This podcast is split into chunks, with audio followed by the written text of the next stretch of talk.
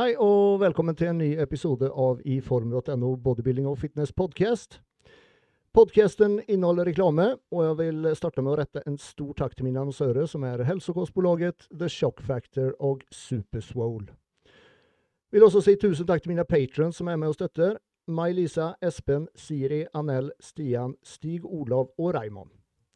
Og om du har lyst til å være med og støtte meg i podkasten, går du til patron.com slash Andreas Adolfsson, og adressen dit finner du også i beskrivelsen av episoden. Om du setter pris på podkasten, hadde det vært til veldig stor hjelp om du hadde klikket like på videoen, og eh, abonnere på kanalen om du ikke allerede gjør det. Og så setter jeg enormt stor pris på en rangering på enten Spotify eller iTunes, eller begge. All right. Da skal vi se. I dag har jeg med meg en kar som heter Kristoffer Bjørndal. Velkommen. Takk for det. Hallo, folkens. Veldig hyggelig å ha deg med. Det var utrolig hyggelig å bli invitert. Nå har jeg følt veldig mye med på podkasten, så det var veldig kjekt da du sendte melding på Instagram og spurte om jeg ville være med. Ja, nei, Det har vært eh, på tide lenge nå, syns jeg. Uh, du kan vel bare starte med om det muligens Du er jo rimelig stor på TikTok og Instagram og det som er, men om det kanskje er noen som ikke kjenner til deg, så kan du bare gi en kort presentasjon av deg selv? Det kan jeg gjøre. Jeg heter da Kristoffer Bjørndal. Jeg er nå 27 år, bor i Bergen. Uh, og jeg har da jobbet som jeg har jobbet som vekter helt siden jeg dimitterte fra Forsvaret da jeg var 20 år. Og nå har jeg nylig begynt å jobbe som online coach, og jeg er da selvfølgelig veldig glad i trening. Jeg hadde konkurrert på, altså på litt høyt nivå i taekwondo, og så bestemte meg etter hvert for å gå over til styrketrening. Og det var egentlig da jeg begynte å komme inn i den fitnessverdenen. Begynte å se på Christian Guzman på YouTube, så var det vi på Fitness-YouTube. Og da brukte jeg veldig mye tid på styrketrening og sluttet på taekwondo og fokuserte fullt ut på det. Og da tenkte jeg litt sånn OK, siden jeg allerede bruker så mye tid på dette, så har jeg lyst til å prøve å konkurrere endte jeg opp med å stille på, i Sandefjord Open for første gang i 2019. Så vant jeg debutantklassen, og da var jeg avhengig. Så nå har jeg stilt tre sesonger etter det, og nå er jeg her jeg sitter i dag. 2019 debuterte du, ja. Mm. Eh, og da, stilt, ja, da har du stilt nesten hver sesong etter det, da? Ja, jeg stilte jo for da tok jeg bare altså Da stilte jeg neste høst, i 2020. Mm. Da var jo det problemet var at da var ikke sikker på om det kom til å bli noen konkurranse. Da hadde jo vårsesongen blitt eh, avlyst. Og så mm var det vel uken før da hadde hjemmegym at de sa ok, vi klarer å gjennomføre. Da var jeg sånn yes. Så kjørte jeg på der, og da fikk jeg andreplass i NM, hvor da tapte jeg mot Randy. Ja. og da var jeg litt sånn ok, jeg bør ha en lang offseason, for jeg rekker egentlig ikke å bygge så mye fra en sesong til en annen, så jeg må egentlig ha i hvert fall ett og et halvt år med offseason. Og så tenkte jeg sånn Virker det som at Randy ikke skulle stille 2021? Så tenkte jeg OK, jeg har lyst på den førsteplassen. Vi gønner på nå, og så tar vi lang offseason. Men så dukket han opp der. og var sånn, Ja, ja, det er utenfor min kontroll. Vi får bare levere en bedre pakke. Og så være sånn OK, nå er det bare lengre offseason, nå må vi bygge. Jeg kan ikke drive og stille hvert år. Jeg må forbedre fysikken. Mm. Ja, det tar tid å få på seg litt. Mm, det er akkurat det. Men det ser ut som du har gjort eh, en god del forbedringer siden sist gang nå? Ja, for nå har jo jeg tatt den lengre offseason. Hvor lenge har du hatt offseason nå? Åh, Det blir jo nesten ett og et halvt år nå. Ja. ja. I forhold til åtte måneder, så det er jo nesten dobbelt så lenge. Ja, det, ja, ja ikke sant. Ja. Men er det noe spesielt du har fokusert på, eller er det liksom bare all over? Eh, hovedfokuset har jo da vært brystet, mm. lats, og så har vi hatt mye fokus på korsryggen. da. Så jeg har jo fått hovedforskjell at jeg har jo coachet meg sjøl alle konkurransene før. Og nå har jeg fått med coach òg, da. Så det var litt sånn For jeg mm, Problemet er at jeg må jo ganske høyt opp på kaloriene etter hvert og spise ganske mye mat. Og da er det litt greit for meg å ha en som kan pushe meg, sånn at jeg ikke blir sånn Nei, nå begynner jeg å bli litt fluffy, nå, nå må vi holde litt igjen, nå må jeg ta minicut. Ha en som bare Nå skal du spise. ja. Du, du sier ligge høyt på kaloriene. Hvor høyt har du ligget? Um, har jeg, Det høyeste jeg lå på nå, var 4500, så det er ikke så gale. Men jeg syns det var så rart, for det begynte å bli utrolig tungt å spise 4500 da jeg bikket 83 kilo. Mens tidligere har jeg spist 5000 i offseason, og det har ikke vært noe problem. Så jeg skjønner ikke hvorfor det plutselig ble så mye vanskeligere med 4,5 nå enn det var før. Hm. Det er rart. Mm. Ja. Men uansett, 4,5 det er rimelig mye mat. Nå, Ja da. er- For jeg regner med at det er eh, relativt ren mat som, som de 4500 består av. Ja, det er akkurat det. Men det var litt sånn rart, for før 83 kilo, 4500, null stress, spiste kjempemettende mat, kunne spise potet og masse havregryn til frokost. Mm. Og så Big 83, så bare oi, ingen appetitt, hva skjer nå? Og så ble det bare en kamp etter det. Kroppen vil ikke opp i vekt. Nei, min, min, litt sånn rar der, for jeg, jeg tror jeg, altså kroppen min trives på en litt lavere fettprosent Ja. enn de aller fleste, så derfor er jeg veldig sånn, ikke sammenlign dere med meg, jeg kan holde meg på en lavere fettprosent og fortsatt føle meg normal. Mm. Ja, for det er jo noe med det, om, du, om fettprosentet blir for høy, da, så blir jo leptinproduksjonen veldig høy, ikke sant? Mm. Og du, da er du på en måte naturlig mett hele tida, på en måte. Ja. Du får liksom ikke den sulten som du har på en lavere fettprosent, da. Mm, det er akkurat det. Så. Eh, Du sa, du sa du har fokusert bl.a. på korsryggen. Det tror jeg aldri jeg har hørt noen som har, eh, som har fokusert på. Fortell litt om det. Mm. Ja, det som skjedde var jo egentlig at meg og coachen min, da vi var jo på Kaliber i poseringsrommet der, og så gikk vi egentlig bare gjennom hele fysikken og så litt hva vi ville fokusere på. Og jeg har jo alltid tenkt, altså øvre del av brystet har vært et sinnssykt svart punkt. Sånn rent genetisk så er ikke brystet mitt så bra, og da, da tenker jeg bare da må vi bare gønne på der og fokusere der. Og så har jeg alltid tenkt det skader ikke å ha større lets, du kan aldri ha for store lets, spesielt i menns fysikk. Mm. Eh, og skuldrene har egentlig vært ganske greie hele veien. Og så begynte han å se litt på bare, ja, vet du hva, vi kan faktisk, hvis du hadde fått litt mer solid korsrygg, så tror jeg det hadde gjort en god del med ryggen. Og da, det vi gjorde da, var at vi begynte med Jeg har jo kjørt masse markløft opp gjennom tidene, mens nå de to siste årene har det kun vært rumensk markløft og strakmarkløft. Så vi Mm. begynte å gjøre rygghev, men at jeg festet Jeg tok han litt høyere opp, sånn at han sperret over hoften. Sånn at bevegelsen skjedde mest mulig i korsryggen. Jeg fikk litt mer dynamisk der, da. I stedet for i hofta, for i hofta liksom. Ja. Ja. For bare prøve å bruke så lite hamstring og rumpe som mulig. Skjønner. Og da bare altså Det var akkurat det føltes ut som jeg fikk newbie gains i korsringen. Den bare eksploderte. Så nå har vi fjernet rygghev helt, for nå det har vokst så mye i korsringen at det er ikke noe poeng å fokusere mer på det. Kult. Så du ser liksom forskjell på de to pølsene, på en måte. Ja, ja, ja, det er en helt annen verden. Tøft. Skal bli spennende å se hvordan det ser ut på scenen, da. Om du da, Mm. Når du sammenligner da bilder fra sist gang og så denne gangen. Ja. Mm. Du sier du har eh, coach.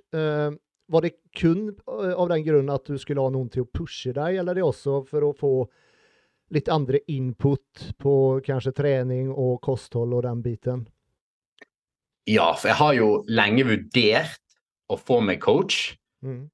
Men også samtidig var jeg litt sånn redd for å gi slipp på alt. For jeg syntes det var litt gøy å styre treningen sjøl og maten og sånn, men det jeg syntes var verst, var det der spesielt på en cut når du begynner å bli på lav lav fettprosent, og du begynner å tvile litt på deg sjøl, og du vet hva som er det beste å gjøre, men du er så følelsesmessig tilknyttet til avgjørelsene at du begynner ofte å ta dumme avgjørelser, selv om du vet at dette er det riktige, men du begynner å justere ned når du kunne lagt på høyere på kaloriene. Og da var det litt at jeg ville ha noen som sto utenifra og så inn. Og da gjorde jeg mye research, så litt på hvem jeg ville ha. med tanke på Jeg må jo jeg vil jo ha en som har litt samme approach som meg, og som jeg føler jeg kan stole på og gjøre akkurat som de sier, og jeg klarer å snakke og kommunisere med. da. Så det var det egentlig bare, og jeg ville bare se ok, hvor mye bedre kan jeg bli hvis jeg har en coach. Mm. Er det en forskjell? Jeg må i hvert fall teste. Jeg kan ikke bare sitte og aldri bruke en coach og si ja, det er bedre å styre ting selv, det er bedre å ha coach. Jeg må jo prøve begge deler sjøl og Mm. se hva forskjellen er. Mm. Og hvem, eh, hvem falt eh, valget på? Det var jo da Markus Haugen. Mm. Jeg hadde jo sett veldig mye på han på TikTok, og så hadde vi hatt en livestream sammen på TikTok. Og jeg likte veldig godt at han har jo utrolig mye kunnskap og utdanning, men han hadde òg erfaringsbiten. Han har på en måte, altså practice what you preach. Han hadde en veldig god fysikk sjøl. Han var og trente på gymmet, så han vet litt hvordan det føles å være på en lav fettprosent, og hvordan det er å trene. Um, og den delen der, så da tenkte jeg at dette tror jeg blir en bra match. Mm. Mm. Har du brukt han nå da hele offseason, eller er det nå kun siste, siste tiden? jeg hadde, altså, hva skulle du si, den delen av- etter konkurransen der jeg skulle skru opp kaloriene og komme meg tilbake til normalen, den gjorde jeg sjøl. Så hadde jeg vel kanskje tre måneder med offseason på egen hånd, og så fikk jeg Markus inn. Mm. Merker du noe på Eller da når du fikk en, en coach, blir det mer Fikk du mer motivasjon på en måte? Ja, absolutt, for du har jo òg lyst til å gjøre vedkommende stolt. Ja, det er det jeg tenker. Ja, litt sånn check-ins hver søndag og sende inn der. Og også med tanke på økter, så jeg vet at han kan se hva jeg løfter. Og så er det litt sånn gøy òg når jeg blir sterkere over tid og får litt feedback. og eh, Det blir mer motiverende når du har noen å forholde deg til. Ja, ja, ikke sant.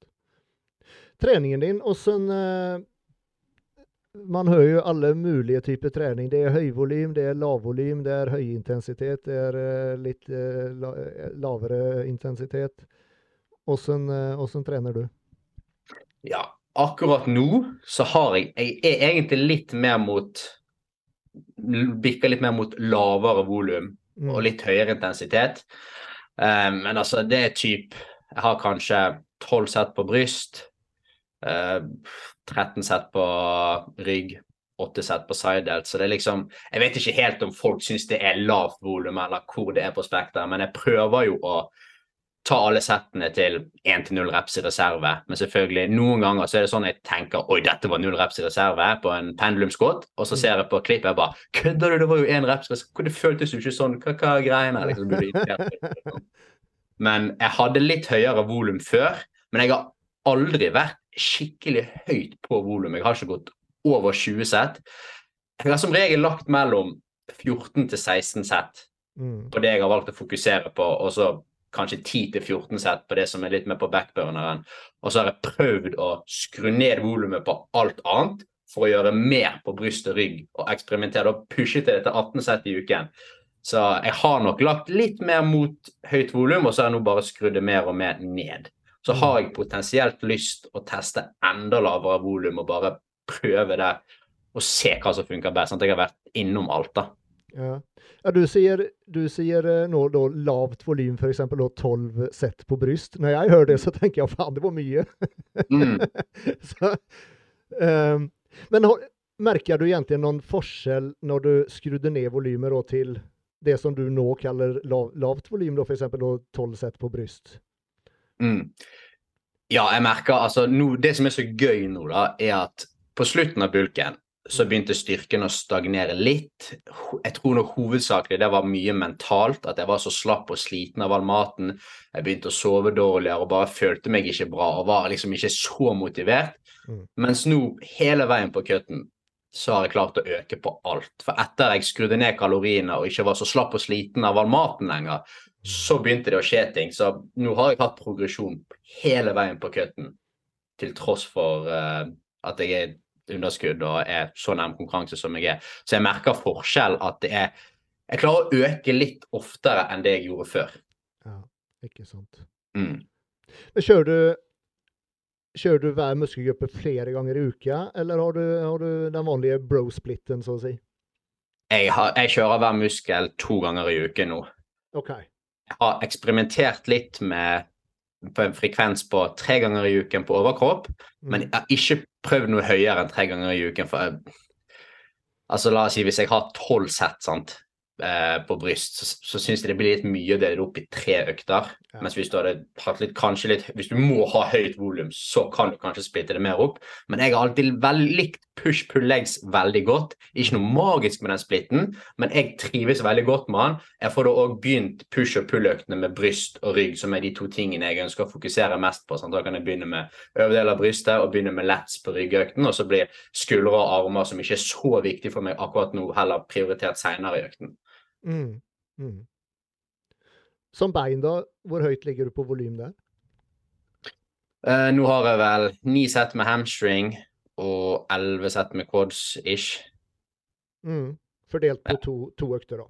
Ja, for det er på to, ja, så jeg har jo én økt der jeg begynner med quads, da, som gjerne er hack squat og leg extension og sittende lår curl. Og så på den andre så har jeg strakmark og pendulum squat og bulgarsk og Mm. liggende leg curl. Så jeg har eh, litt forskjellig fokus på de to forskjellige, da. Mm. Og du sa du tar settene nest, nesten til uh, null, null eh, rier. Mm. En til null. Uh, Ja, Da, da kjører du relativt hardt da, alle øktene. For det blir da seks, seks økter i uka, ikke sant? Ja, stemmer. Så fri på søndager. Mm. Dietten nå, da. Gjør du noe, nå- nå som da coach, for du har jo da kjørt eget opplegg tidligere ganger. Er det noen er det noen forandring sånn i hvordan si, kostplanen ser ut, treningen, mer enn at du har minska volumet? Er det noen annen forskjell, liksom? Eh, nei, altså, det er egentlig ganske likt som det var før. Jeg får jo, jeg har ikke matplan, jeg har makroer, så jeg velger jo sjøl hva jeg skal spise. Men jeg ender jo selvfølgelig opp med å spise så å si det samme hver dag, rett og slett fordi det er enkelt. Jeg velger de matvarene jeg syns metter mest, gjør det lettest for meg å holde meg til kaloriene. Mm. Men sånn kalorimessig har jeg egentlig lagt ganske likt. I 2019 da kom jo det laveste jeg lå på, var jo 3000. Hæ? Kom, ja, jeg vet det. Det er helt sykt. Kødd? Seriøst? Mm, jeg begynte på cutten på For da lå jeg på 5000 i offseason. Så begynte jeg på 3008. Og så lå jeg der en liten stund. Og, og så gikk jeg ned på 3004, 3002, og så lå jeg på 3000 helt inn til scenen. Og hvor mye veier du i sceneform? Da veide jeg 75,5. Oh, my, faen, du må ha en helt sinnssyk forbrenning, da. Ja, det er helt drøyt. Jeg har jo ganske høyt aktivitet... Eller på det tidspunktet hadde jeg høyere aktivitetsnivå, for jeg bodde ganske høyt oppe på et fjell. Altså det var liksom tolv minutter å gå ned til bussen, så jeg gikk til og fra der til og fra jobb, og så gikk jeg til og fra trening, og det var 25 minutter å gå til og fra trening, pluss jeg gikk på jobb, sant? så det blir jo 10 000-16 000 skritt i løpet av dagen. Ja, men allikevel, så Ja. helt sinnssykt. Ja, for det er ikke så mange skritt, syns jeg heller. Jeg hadde jo ikke noe kardio utenom kanskje ti minutter oppvarming på møl for å få opp pulsen litt med, på going på incline. Ja. 3000 det, det høres eh, sånn Det høres jo veldig behagelig ut, men for deg For jeg regner med at du var like sliten og sulten på det som en annen kanskje er på 2000 eller 1800, ikke sant? Jo, det er jo akkurat det. Sånn, på slutten, du blir, Uansett hvor høyt du ligger på kaloriene, så det er jo et underskudd for deg, så du vil jo bli sliten. og det er det der, Mm. det er akkurat så En viss fettprosent, det er bare da begynner jeg å føle meg trash. Ja. Har du kommet dit ennå? At du føler deg drit? Ja, altså nå, Det har begynt å bli mye verre de siste to ukene. Nå, du merker veldig sånn at du har gode og dårlige dager. Mm. Du hadde fem dårlige dager på rad, og da ble det sånn Å nei, skal det være sånn resten? Og så plutselig nå i slutten av uken nå, så begynte ting å flyte bra igjen, og begynte å få litt mer energi, og fikk nye lave innveiinger, og da ble motivasjonen litt bedre. sant? Og så Mm. Hvor, lang, hvor langt unna er du nå? Eller hva, hva er vekta nå? Nå er jeg på 79,3 på ukesnittet, Mm. og det som er veldig gøy, da, er at jeg har aldri vært så lean på 79 kilo før. Kult. Så altså, i 2020, da jeg kom på andreplass i NM, da veide jeg 74. For da var jeg litt bedre form enn på Sandefjord eh, i 2019.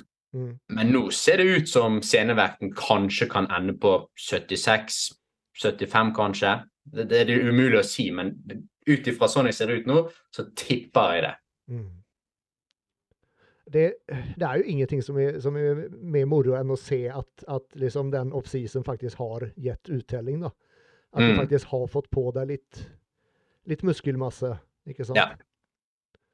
Vil det si at du, at du kan ligge enda litt høyere på kaloriene nå, eller, eller ligger du likt som i 2019? Ja, det, det, det glemte jeg jo innom. Altså, vi begynte jo cutten på tre altså Egentlig ville Markus begynne på 4000, og jeg bare nei, nei, nei, nei. Jeg, er, jeg er så mett, jeg kan ikke kutte. Jeg må, jeg må ned. Så fikk, fikk jeg lov å skru ned til 3004. Så holdt jeg 3004 i seks uker. Og så skulle vi på, til Dubai med Fit Together på jobbreise. Mm. Og da fikk han se meg hver dag, og det var jo litt sånn Jeg bare Kan vi skru ned litt til? Jeg syns det går litt seint. Jeg er fortsatt ikke så veldig sulten. Og så diskuterte vi litt, og da ble vi enige om at vi skulle prøve å kutte litt hardere nå i starten for å komme i form litt tidligere før konkurranse, sånn at vi kunne begynne å teste litt oppkarmingsprotokoller, eventuelt spise oss inn i showet og ligge litt høyere på kaloriene med tanke på at kanskje jeg stresser litt mindre, for du er jo veldig stresset på slutten. og du Mm. for ingenting. altså Du bare stresser hele tiden. Du merker at kroppen ikke trives på den fettprosenten. At du er i en stresset situasjon. Ja. Så nå har jeg lagt på 2650, og så har det gått ganske raskt ned der. Mm. Um, så det er jo egentlig det laveste jeg har lagt på noensinne. Dritsulten nå, da. Ja, jeg er ganske sulten nå, det, det begynner jeg å merke. Men jeg har fortsatt Jeg har akkurat begynt å legge inn potet. Så jeg har spart litt sånn triks, sånn at jeg ikke bruker alle de gode verktøyene i starten av cutten. Ja, ikke sant. Det er greit Mm. å, ha, å ha noe å på en måte legge inn på slutten. Ja. Um, hva var det jeg tenkte på uh, ah, Nå spiste jeg opp det. faen er det jeg skal si? Eh, ja, det kommer sikkert tilbake. Uh, I hvert fall, vi har fått en kommentar skal vi se.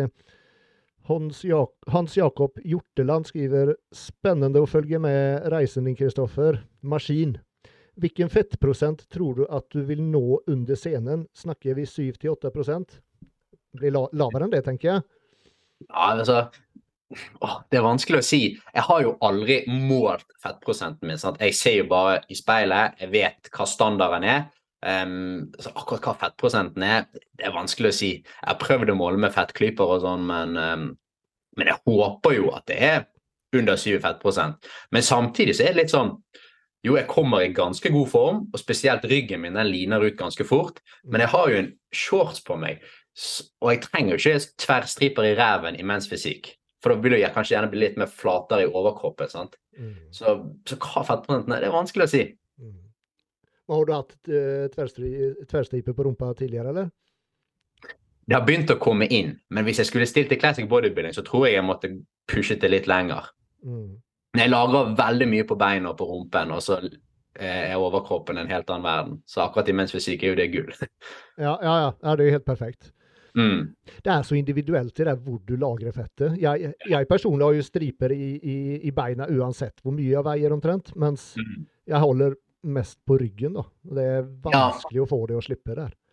Det, Det vi to er helt motsatt. Ja, ja, ja, ikke sant? Men det er egentlig, jeg føler det kanskje er litt vanligere blant oss gutter at, at vi er mer line i beina og holder mer på ryggen. Eller, og samme som korsryggen er ofte det siste som slipper, liksom. ja. Mens det, det, det slipper direkte på deg, da. Mm. Ja, ja, sånn, jeg reagerte sånn på ryggen at den begynte å slippe så tidlig og begynte å få kunne se fibre på lets og sånn. Jeg bare Hæ, hvorfor kommer dette her inn så tidlig? Yes. Mm. Hva med, hva med poseringstrening og sånt? Er det noe du eh, praktiserer mye? ja, jeg prøver jo å posere så mye som mulig. Eh, men altså, som du vet, sant, det er jo veldig viktig å posere i offseason, for etter hvert som du er på diett, så blir du sliten og du gidder. Ok, ta dette trening. Nå må jeg hjem og spise, jeg er så lei. Men nå har jo jeg, eh, jeg har, Poseringen min har blitt mye bedre nå i det siste. For jeg har jo posert mye før, og så har jeg ikke fått de tilbakemeldingene jeg har trengt. Så jeg har jo følt at alt har vært greit. Mm. Mens nå har jeg f.eks. Remet, hun hjalp meg veldig mye. da, for Jeg sendte hun videoer og sånn, og så begynte hun ja, prøv å få skulderen lenger bak der og vri deg med sånn og sånn, og fokusere på dette. Og så var jeg med på poseringsseminar med Heidi, så hun hjalp meg masse. Og det, det hjalp utrolig mye. Så poseringen har blitt mye bedre nå. Mm. Uh, så jeg tror det kommer til å gjøre en stor forskjell på scenen òg. Det blir jo en helt annen fysikk. Mm, ja, ja. Og det, det, er det som er så kult med poseringen, for det er så, det er så små ting som skal til for at du viser en annen pakke, liksom. Mm. Og litt sånn, Jeg har ofte fått beskjed om liksom, trykke til i brystet. Sant? Så Når jeg har stått i ene sideposeringen, den jeg syns er verst ut, så når jeg har stått på siden, så har jeg nesten fordi jeg har trykk i brystet, så har jeg presset skulderen fram for å få trykk i brystet. sant? Og så har jeg gjort det samme der, og så har det blitt en veldig sånn awkward. Mm. Mens nå når de bare ja, men du må åpne opp og komme bak her, bare oi! Ja, helt annen verden. Blir, Altså, blir, på- blir jo så Mm. mye breiere, ikke sant? Ja. Mm. Ja, det er de, eh, det er de småtingene som gjør det, altså. ja, absolutt.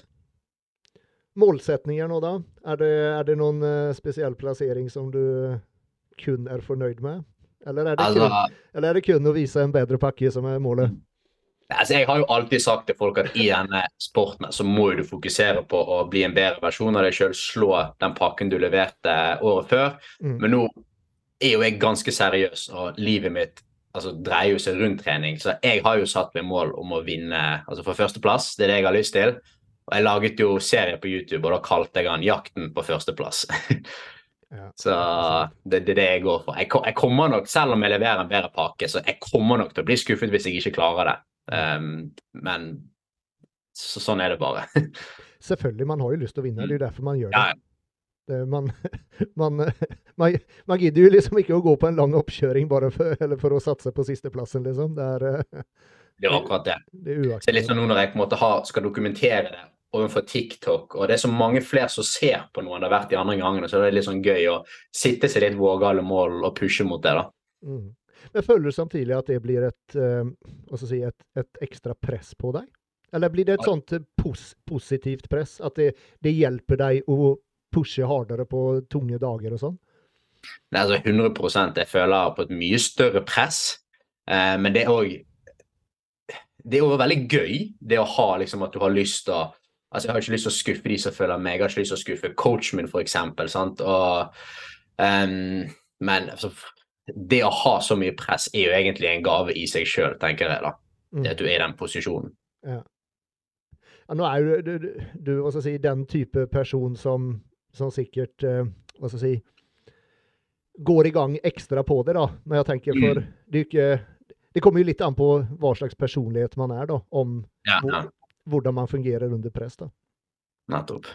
Skal vi se, da skriver Hans Jakob igjen her. Eh, prioriterer du ofte forkortet posisjon på øktene dine, og ikke bare forlenget? Uh, eventuelt vil restitusjonstid fra forkortet være mindre enn forlenget? Gjerne snakk litt om disse to posisjonene og belastningsprofil. Ja, altså jeg har jo Jeg trener jo mye i altså for eksempel På beinøktene så er jo alt av hack squat og pendulum squat og de tingene der er jo trenere mye for forlenget posisjon. Jeg bruker ikke noe reverse band på pendulum og hack f.eks. Og da får jeg trent mer i forlenget posisjon. Mm. Og mens i leg extension får jeg trent mer i forkortet. Samme for lats og sånn. Jeg har Eh, noen øvelser fokuserer mer på forlenget posisjon, og noen øvelser fokuserer mer på forkortet posisjon. Men nå har jeg, altså veldig mange tenker at hvis du skal legge inn mer volum på f.eks.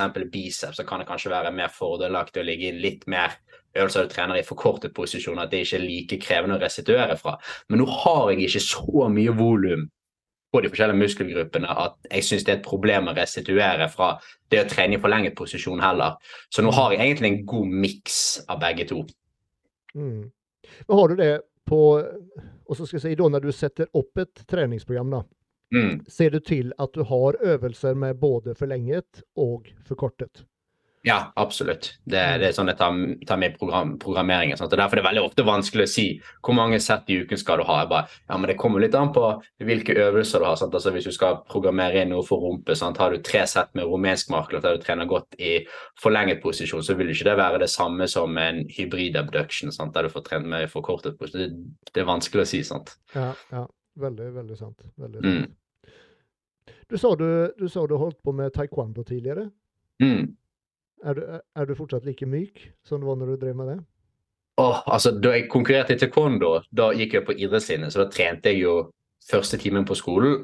Og på ettermiddag så jeg hadde to økter for dagen, og jeg tøyde hver dag to ganger for dagen. Så jeg klarte å gå ut i spagat, herre- og damespagat. Når jeg gikk ut den ene, så vridde meg over i den andre. Oh my God. Eh, men jeg merker at jeg har vedlikeholdt det ganske greit. Jeg tror jeg er mer bevegelig enn folk flest. Men jeg har ikke vedlikeholdt i det hele tatt, så jeg er ikke like i nærheten av like myk som jeg var på det tidspunktet. Men jeg har ikke vedlikeholdt noe heller. Så jeg overstår hvor bra det har vedlikeholdt seg uten å tøye. da. Ja. Men tøyer du noe i det hele tatt nå? Nei. Jeg, da jeg sluttet på taekwondo og jeg begynte å trene med styrke, så ville ikke jeg helt gi slipp på det. Så da tøyde jeg etter hver eneste styrketreningsøkt. Og så nådde jeg et punkt der jeg var sånn OK, dette tar 15-20 minutter etter hver økt. Jeg begynner å bli litt lei. Dette hjelper egentlig ikke meg mot målet mitt nå, så da mm. kuttet jeg det ut. Mm. Jeg skjønner. Var det høyt nivå som du konkurrerte på i taekwondo? Eh, altså, jeg var jo Jeg klarte å bli norgesmester én gang. Okay. Eh, så det var jo OK nivå. Men det var egentlig der det stoppet. For da var, da var, jeg junior, og så kom jeg opp i senior, og da kom jeg på andreplass. Og det var egentlig siste konkurransen jeg konkurrerte i. Mm. For det, var, det, som var problemet, var at jeg gikk på idrettslinje, og så gikk jeg toppidrett taekwondo.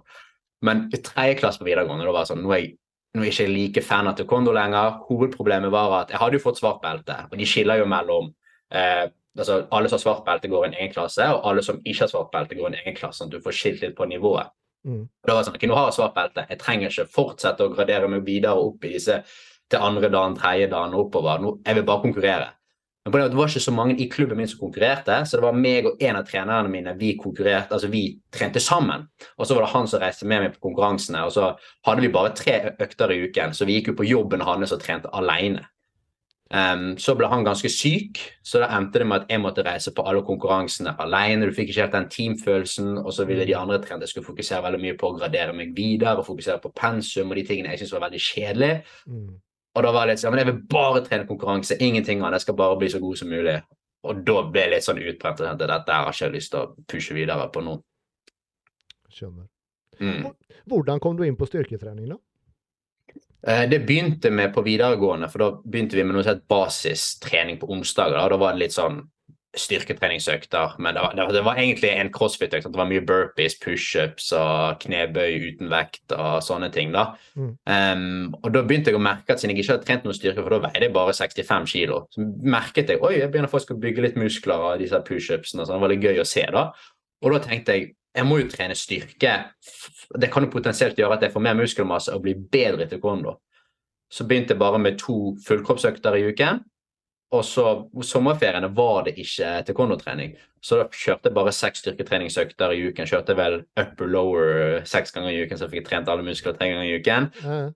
Og da kjente jeg litt sånn Oi, sommerferien er litt gøyere enn uh, bare trene styrke. eh, Det var egentlig sånn jeg kom inn på det.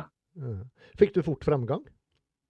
Ja da, jeg merket veldig stor forskjell. Jeg fikk liksom den der New gains-perioden, merket ganske stor forskjell. og um, Men problemet var at det krevde så mye av taekwondoen og øktene på skolen at det var veldig mye trening og veldig mye forskjellig at jeg klarte ikke å ha helt den framgangen. Så var problemet at jeg spiste nok ikke nok protein. Jeg spiste mye mat, men jeg hadde ikke noe fokus på proteininntak på den tiden. der, for jeg hadde ikke helt peiling.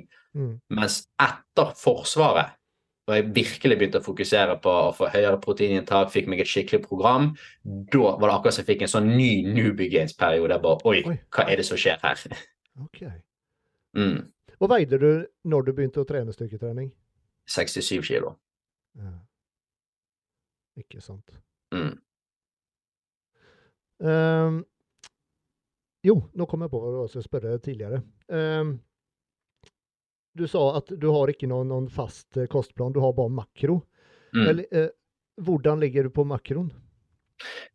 Ja, akkurat nå så er jo makrofordelingen 200 gram protein, og så er det 40 gram fett, og så er det vel og resterende er karb. Jeg kan sjekke, det er vel 350 eller noe sånt. Skal vi se. Ja, 364 gram karb. Markus er jo veldig glad i å ligge høyt på karben, og høyt på protein og lav på fett. Jeg, før så har jeg pleid å ligge på rundt 65 gram fett. Så jeg har lagt litt fortsatt høyt på karben, men litt lavere.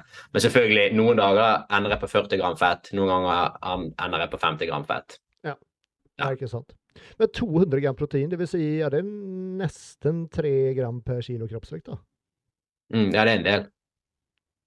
Mm. Eh, Det det er litt sånn òg Jeg trives litt med det. Jeg kunne sikkert lagt litt lavere, men det er jo òg 200 gram protein er jo òg med de ufullstendige kildene. sant? Altså Det er jo litt i havregryn, det er litt i peanøttsmøret. Ja, Det blir jo kanskje 160-170 gram fra de gode proteinkildene med god aminosyreprofil. Ja, da skjønner jeg. Da er det, Mm. That makes sense. Ja, ja, ja. Men uansett, 350 gram karb, det er, det er relativt høyt det, altså, på, Mm. på, på diett. Ja da, men jeg merker jeg klarer å prestere mye bedre når jeg ligger så høyt som jeg kan på karben. Mm. Mm.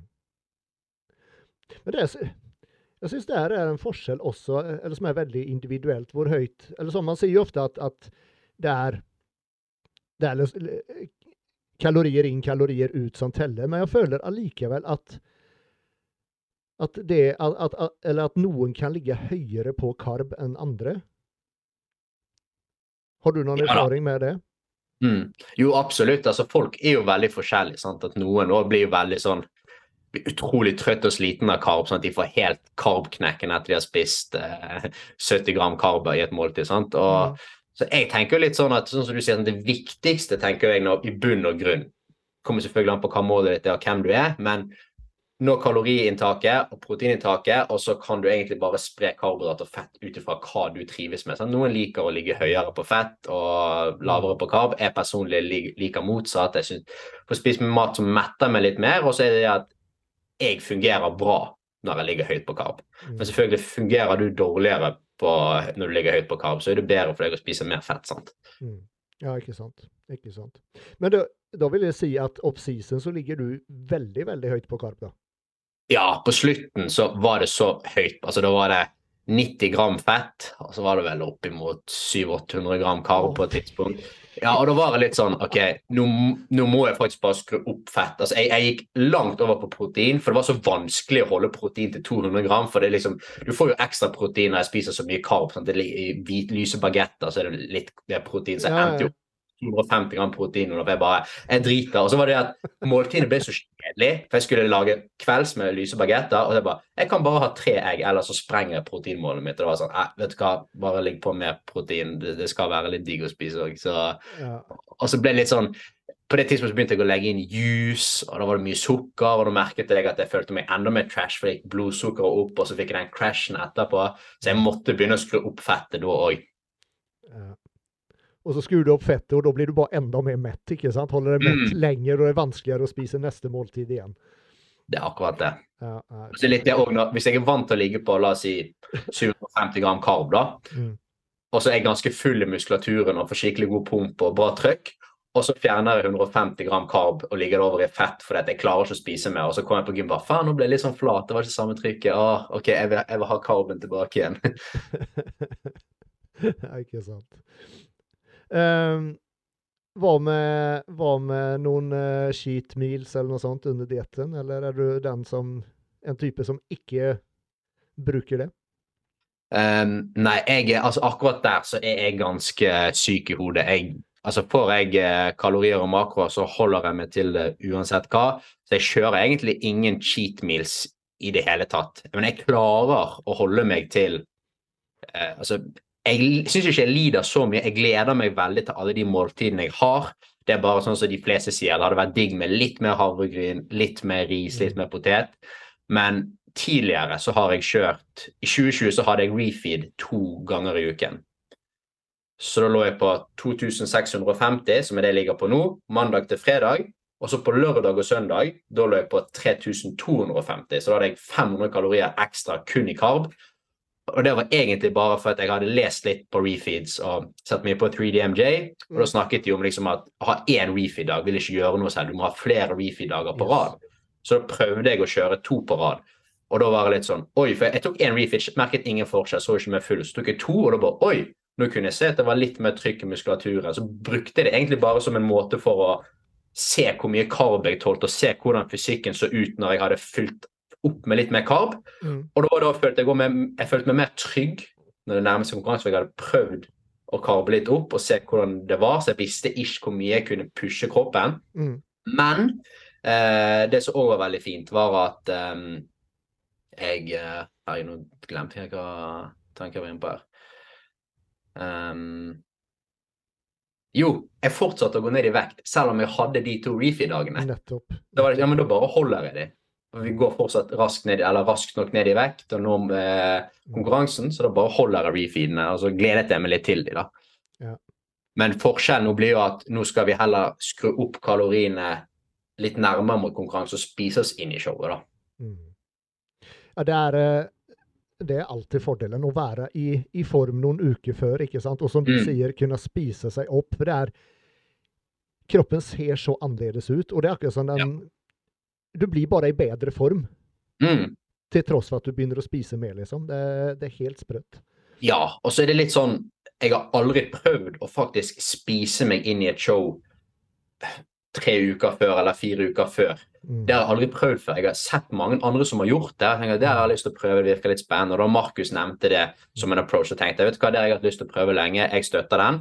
Så det blir litt spennende å se hvordan forskjell For ofte har jeg merket at fire uker etter konkurranse, når jeg har begynt å skru opp kaloriene, så bare oi, nå så fysikken ganske bra ut. Jeg merket at jeg var litt mindre stresset og kanskje holdt litt mer vann, for jeg klarte å slappe litt mer av. Yes. Du ender opp med å stresse deg sjøl opp for, for no reason. Sånn. Plutselig skulle jeg, jeg skulle egentlig jobbe seinvakt, og da hadde jeg planlagt at jeg skulle lage mat. Eh, sånn at jeg hadde med meg til lunsj på jobb. Men så spurte kan du jobbe tidlig istedenfor. Så gjorde jeg det, og så ble det litt sånn Shit, nå har ikke jeg måltidet mitt. Og så begynner du å stresse. Men det er jo ikke noe stress. Gå på butikken, skanner strekkodene, la, lager sammen et nytt måltid. Men du bare stresser for no reason, for ingenting, selv om det ikke er noe stress. Og det, liksom, det klarer ikke jeg å kontrollere alltid. Nei, nettopp.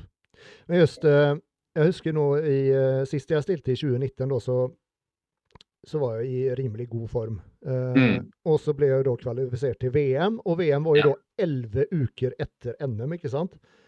Ja, så, da tenkte jeg faen, skal jeg holde nå formen da? Ligge? Jeg lå på ja, sånn 2100-2200 kalorier, ikke sant? Ja. Ikke, ikke sjans. Så testet jeg det å, å liksom øke kaloriene. Så jeg, det sluttet med at rett før VM jeg lå på rett over 3000 kalorier, men ble liksom bare i bedre og bedre og bedre form. Nettopp. Så, så det er noe med det å spise seg inn i, inn i konkurransen. Men det vil da, eller det er i utgangspunkt at du er i form, da. Du, Ja, må, ja, ja. du må være rippa, du må være i ordentlig god form, da. Mm. Det er sånn det funker ikke om du fortsatt har fem kilo igjen, og så begynner du å spise mer. Det, det blir ikke helt det samme. uh, skal vi se. Vi må ta og kjøre en kjapp reklame her. ja, perfekt.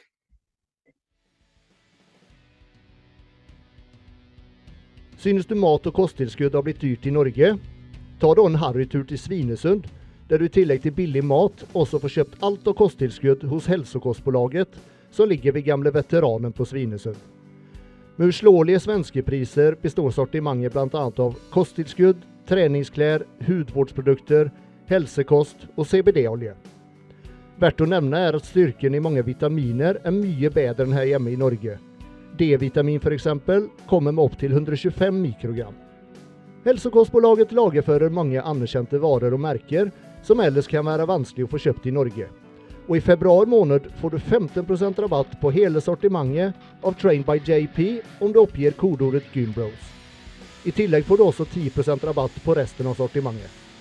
Altså med kodeordet 'Gymbros' får du 15% rabatt på alle Train by JP-produkter, i tillegg til 10% på resten av sortimentet hos Hälsokostbolaget.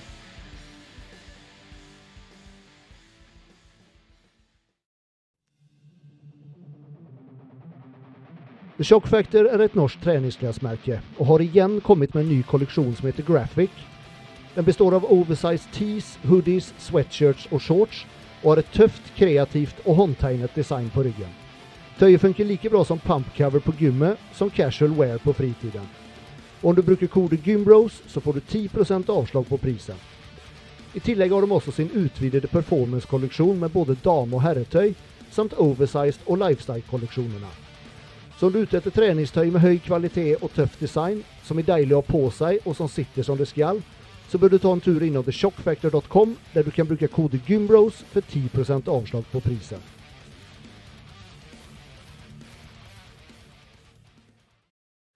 Skal vi se. Der er vi tilbake. Uh, da skal vi se. Jo, uh, vi fikk et spørsmål til her. Uh, kan ta det direkte. Hvor stor skulderfleksjon burde man oppnå for å trene i forkortet posisjon for biceps?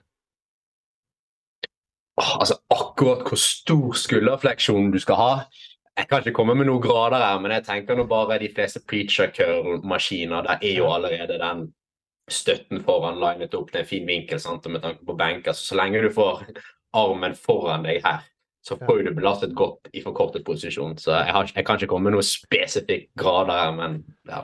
Du har ikke med deg gradestokk på gymmen? Liksom. Nei. ja, det blir vel litt overkurs. Akkurat så, Mm. sånne Det å fokusere på sånne småting tror jeg Mm. ikke har noe som helst for seg. Du må tenke på hva nivå er du på, hva er målet ditt. Og jeg tenker Så lenge du bare gjør en preacher curl der du får armen foran deg, og du blir sterkere over tid, ligger på flere reps, ligger på mer vekt, så vil bicepsen din gro. Ja, ikke sant. Mm. Uh, skal vi se Jo, uh, det er uh, det er nå da både Sandefjord og Norway Grand Prix som du Det er de Ja. som står på planen nå, liksom. Stemmer. Har, har du konkurrert utenlands noen gang? Nei, jeg husker i 2021 så hadde jeg lyst å være med på nordisk. Mm. Så sendte jeg melding til EFB og spurte hei sann, jeg, jeg, jeg, var ikke med på Sandefjord, jeg, jeg skulle kun ta NM, da. Mm. Um, og så uh, spurt, og så så jeg plutselig at de skrev for å være med på Nordisk så må du ha deltatt i Sandefjord og NM. Og da var jeg sånn nei, kødder, hadde jeg visst det, så hadde jeg jo stilt på Sandefjord òg, men jeg fikk vite det etter jeg hadde stilt på NM, så da spurte jeg går det greit at jeg reiser til nordisk eh, selv om, og så hadde de tatt det opp i styret, og da sa de nei, beklager, du må stilt på begge. Yes. Ja. Ok. Mm. Så det er derfor du stiller i begge nå, for å ha mer Ja, jeg tar ingen sjanser nå. Og så har jeg bare, lyst- ja.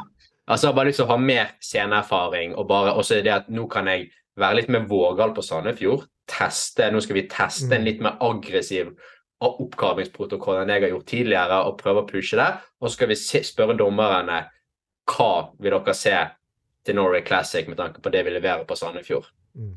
Ja, ikke sant. Mm. Er det, har du noe sånn ønske, mål om å eh, bli tatt ut til EM senere i vår?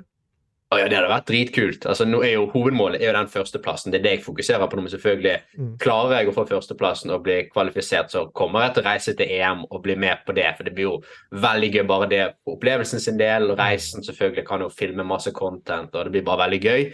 Selvfølgelig, altså, Nå syns jeg jo at nivået på EM er såpass høyt at jeg føler egentlig sjøl, ut ifra sånn fysikken min, nå, så har jeg egentlig ikke så mye der å gjøre. Jeg, trenger, jeg må bli større. Det er egentlig det jeg mangler nå. Mm. Ja, det är som du säger, det, det är samma när jag blev, när, när jag blev kvalificerad till VM. Jag hade ju, jag visste väldigt gott att jag har, jag har liksom inte noe, noe som helst att göra där sån, det, eller just att Mm. konkurrera om en, en hög placering då. Ja. Men, men som du säger, bara upplevelsen, bara det faktiskt varit med på det, bara har gjort det. Det Mm. er, eh, for det er en veldig, veldig artig opplevelse. Og bare det å faktisk stå på en VM-scene, det, det er noe spesielt å gjøre det, altså. Ja, ja, akkurat det. Sant? Og det jeg har merket veldig nå, sånn, med tanke på kaliber i Bergen og sånn, det har blitt mye mer, andre, my- mye mer kjent med andre folk i miljøet som liker det samme som deg. Mm. Og sånn som nå når Heidi var hadde poseringsseminar, og det å bare snakke med folk som er interessert i det samme, og det da å reise hjem med forbundet, sant? da vært, får du være med den gjengen og bli bedre kjent med de, og kjenne litt på det òg. Det er en veldig fin opplevelse i seg sjøl. Det er det. Det er det. Veldig fint. Tre, te, kom, ja, for Kaliber i Bergen åpner vel i dag, er det ikke det? Eller sånn det offisielle? Det åpner i dag, ja. ja. Mm. Er, det, er det der du kommer trene nå framover, eller? Ja, ja, ja, 100 Det er liksom, det er ingen andre gym i Bergen som kan måle seg med kaliber. Så ja, du har liksom Det nærmeste du kommer, er kanskje altså Max Fitness er også ganske bra, de har mye utstyr. Mm. Men så har du sånn studentsentrene trener sammen og sånn. Det er ett av de sentrene som har en hackscot, men det er liksom Ja. Det du har. Ja. Jeg har sett, eh, eller ut ifra de bilder og de eh, filmer jeg har sett fra, fra gymmet der, så ser det jo helt sinnssykt ut. Mm. Jeg vet jo, jeg er jo oppe i Trondheim og, og jobber noen dager hver måned. Og, Ja. og bare som kaliber der nå, alt nye utstyret som Daniel har tatt inn der, det, det, det er så bra det gymmet nå. Det er helt vilt, altså. Ja, men det, det som er så fint med, med Kaliber, syns jeg, er at de er, altså Robin og Daniel er interessert i at det skal være et Yes. så bra gym som mulig. De er hele tiden inne på Finn og leter etter nye apparater. Det er sånn som så Storebotn gym her på, i Bergen, de er ofte på Finn. Men hver gang de finner en maskin, så får de alltid melding Nei, det er Robin som har kjøpt det. De bare «Hæ, Hvordan er det så kjapt ute? ja, ikke sant. Ehm, hva var det jeg tenkte på? Faen, jeg, jeg må begynne å skrive opp det jeg kommer å tenke på, så ellers så glemmer jeg bare av det. uh, uh, uh, nei, det forsvant helt. Eh, men vi skal snakke litt om eh, recovery diet og reverse diet. Yes. Som, eh, som vi, har, vi har snakket en god del om det på Gymbros nå i det siste. Vi hadde framfor alt en episode der vi snakket veldig mye om det. Mm. Og eh, som jeg sa til deg før vi starta i stad, at jeg tror Jeg personlig tror at mange får en veldig tøff tid etter eh, endt prep, eh, fordi at man blir satt på en reverse diet, rett og slett. Der du Ja. gradvis øker kaloriene litt og litt. Uh, men det, det vil jo faktisk si at du du er jo fortsatt i et underskudd. Du er jo fortsatt For om du ligger 1000 kalorier underskudd på, i, i slutten av dietten, og så begynner du å øke gradvis, eller la oss si da 200 per uke, så er du i et underskudd fem uker til. Yep. Og, og eh, jeg skjønner godt at det er vanskelig å holde det, og at, at motivasjonen ikke er der etter du er fe egentlig ferdig med dietten.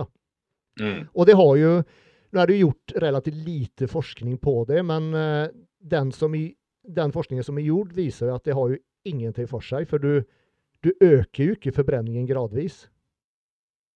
Så eh, om, du, om du kanskje kunne gi oss en liten innsikt i, i, i hva det er som skjer i kroppen når du ligger veldig lavt på kaloriene og gradvis, eller sånn veldig gradvis begynner å øke dem.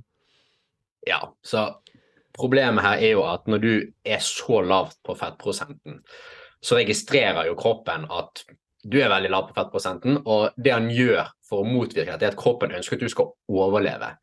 Så den prøver jo å få deg til å bevege deg så lite som mulig. Så gjerne sånn som nå, sånn, så jeg snakker litt med hendene, sånn, men hvis jeg er skikkelig lean, så kan det bare bli sittende sånn og orker ikke å bruke energi. For kroppen vil at du skal overleve og forbrenne så lite kalorier som mulig. I tillegg så begynner han å pumpe ut grelin, som er et hormon som gjør at du føler sult. Så du bare får grelin hele tiden. Det bare pumpes ut hele tiden. Og så får ikke du leptin, som er et sånn metthetshormon når du spiser. Altså, nesten ofte du kan merke at når du spiser litt mer mat, når du pleier så du får mer grel i nesten for å registrere kroppen. Yes. Oi, nå er det mat, nå må du spise, nå har du endelig funnet mat. sant? Mm. Og da vil du være kjempeslapp og sliten, føle deg trash. Og hvis du da skal spise deg opp igjen, du bare skal ligge på 100 kalorier uke etter uke etter uke, og bygge deg opp igjen, og du, sånn som du sier, du er 1000 kalorier i underskudd, sant? du ligger på 100 kalorier i uken, da tar det deg ti uker før du er og på vedlikeholdskalorier igjen. sant? Mm. Eh, og, og, det som er veldig viktig for folk å huske på hvis du skal stille, den sceneformen du er i Du må bare være forberedt på forhånd. Det er midlertidig. Du tar et bilde på scenen, mm. så har du det bildet. Du skal ikke være i den formen. Det, du skal være der så kort tid som overhodet mulig, og så skal du komme deg opp igjen på en normal fettprosent. Og hva er normal fettprosent? Det er veldig individuelt. Noen kan hende at de kanskje må gå opp fem kilo ganske raskt etter konkurransen, og så begynner det å føle seg bra.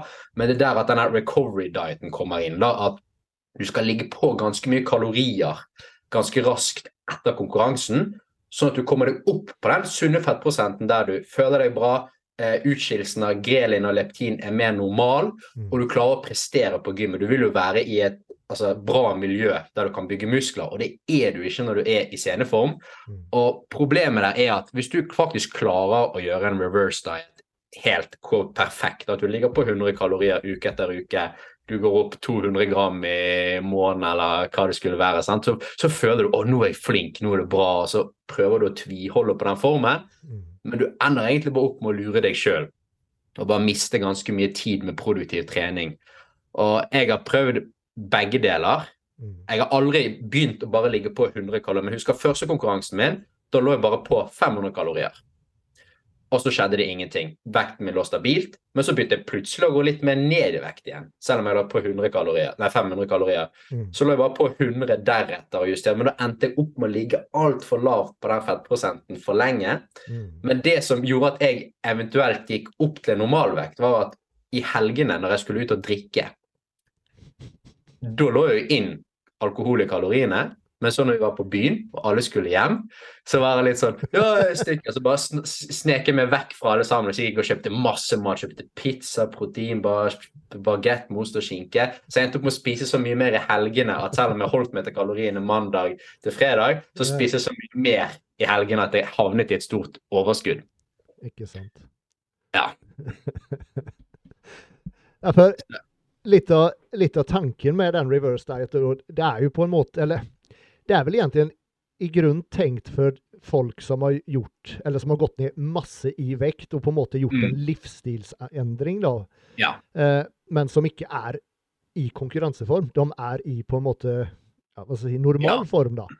Mm. Eh, og, så, og, så, kommer det vel litt av det at man har sett Eh, med forskning då, at om man øker kaloriene gradvis på en som er i normal fettprocent, eh, og man da gradvis øker, at man da, da går forbrenningen opp, ikke sant?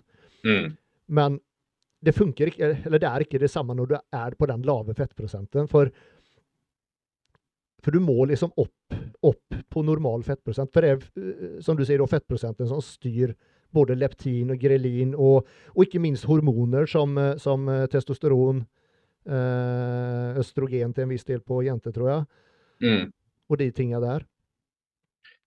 Ja, og så er det det at selvfølgelig forbrenningen vil jo øke etter hvert som du går opp i vekt. altså du, Det krever mer av kroppen å bevege deg. Du Ja. du går, opp, du går opp i vekt, du får en høyere fettprosent, så kanskje kroppen begynner å du begynner å få høyere NEAT, sånn non-exercise activity thermogenesis, hvis folk har hørt om det. Mm. Og, men hvis du bare ligger på 100 kalorier oppå det du har spist etter seg, så vil ikke altså Du vil ikke legge på deg noe vekt, så du vil ikke, du vil ikke kreve mer av kroppen å bevege deg, og du vil potensielt sett kanskje bli enda mer sliten og begynne å bevege deg enda mindre og gå i negativ retning. Sant? Så det, det går i feil retning der. Ja. Så du må egentlig bare Det er sånn som reverse diet og recovery diet. Det kommer an på hvem er det du snakker til her. sant? Er det en som skal ha konkurrert på scenen? Ok, da kan det være lurere å ta recovery da. Mens hvis det er f.eks. tante Turi som har gått ned 20 kilo, og nå er hun på fortsatt en sunn fettprosent hun føler seg bra, da kan hun heller kjøre en reverse diet, eller eventuelt hvis hun er i et underskudd på 500 kalorier, så Mm. kan hun ligge på 500 kalorier oppå det hun spiser nå. Hun får litt mer mat, og så derfra så kan hun begynne å justere 100 kalorier opp, 100 kalorier ned, ut ifra hvordan vekten beveger seg. Men hvis hun ligger på 500 kalorier oppå det hun allerede spiser, så kan det hende at hun treffer vedlikehold og kan bare holde seg der. Ja. Mens for en recovery kan det at du kanskje må ligge på 1000 kalorier oppå det du spiser, og det er kanskje litt skummelt for folk, men Mm. ja, akkurat hvor mye du skal ligge på, det kommer an på hvor stort underskudd du har vært. Hvis du er 500 kalorier i underskudd, ok, kanskje du må ligge på 800 000. Sant? Du må Mm. Ja. Ja, for, for, målet er, eller som du sa tidligere, at den formen du er i på konkurransen, det er ikke noe du skal holde på. Ikke sant? Nei. Du må, du må opp i fettprosent. Du må opp i vekt Mm. om, om du vil føle deg bra igjen. For du Ja. Er du i, i konkurranseform med den fettprosenten, så vil du ikke føle deg bra.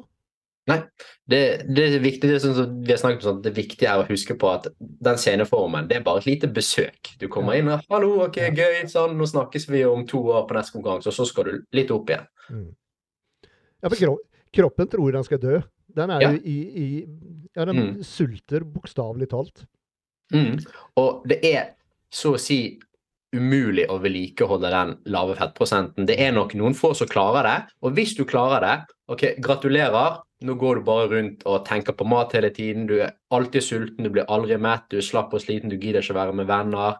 Du føler deg trash, eh, og testosteronnivået ditt er kjempelavt. Så det er liksom ikke noe gevinst med å vedlikeholde den sceneformen heller. Nei, overhodet ikke.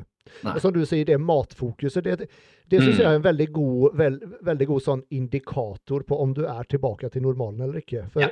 så lenge du har det der matfokuset, at du, du bare går og tenker på neste måltid, og liksom du bare gleder deg, og du 'Å, fy faen, det skal bli så digg', og bla, bla, bla. Da, da er du ikke i, i ditt normale tilstand, eller din Nei. normale fettprosent. Og, og det er sånn, Hvis jeg skal bruke meg sjøl som et eksempel da, Mm. Hvis jeg er i sceneform, da, i fjor var jeg 74, da. Der jeg føler meg ganske bra og føler meg normalt og liker å ligge, det er på rundt 79 til 80. Mm. Så jeg vil jo da si at jeg burde gå relativt raskt fra 74 til kanskje 79 og 80.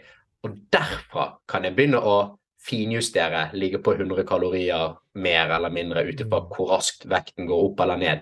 Så det er et mål for meg å komme meg opp der ganske raskt, sånn at jeg kan føle meg normal så raskt som mulig. Hormonbalansen blir bedre, jeg, får, mm, altså jeg føler meg metthet, føler meg bedre, og da kan jeg også prestere bedre på gymmet og vil kunne komme tilbake til en mer produktiv offseason så tidlig som mulig. Nettopp. Nettopp. Mm. Er det, er det Eller finnes det noen sånn retningslinjer? Jeg vet eh, 3DMJ har, uh, har noen sånne retningslinjer om hvor fort den vektoppgangen bør gå etter konkurranse, da, om det var eh, Ja, nå husker jeg ikke i hodet. Husker du dem? Hvor mye det er der man skal legge på seg de ukene? Om det man skal gå opp eh, 10 i vekt de første fire til åtte ukene, eller noe sånt der. Mm. Nei, jeg husker ikke akkurat prosentene og hvor mye det var.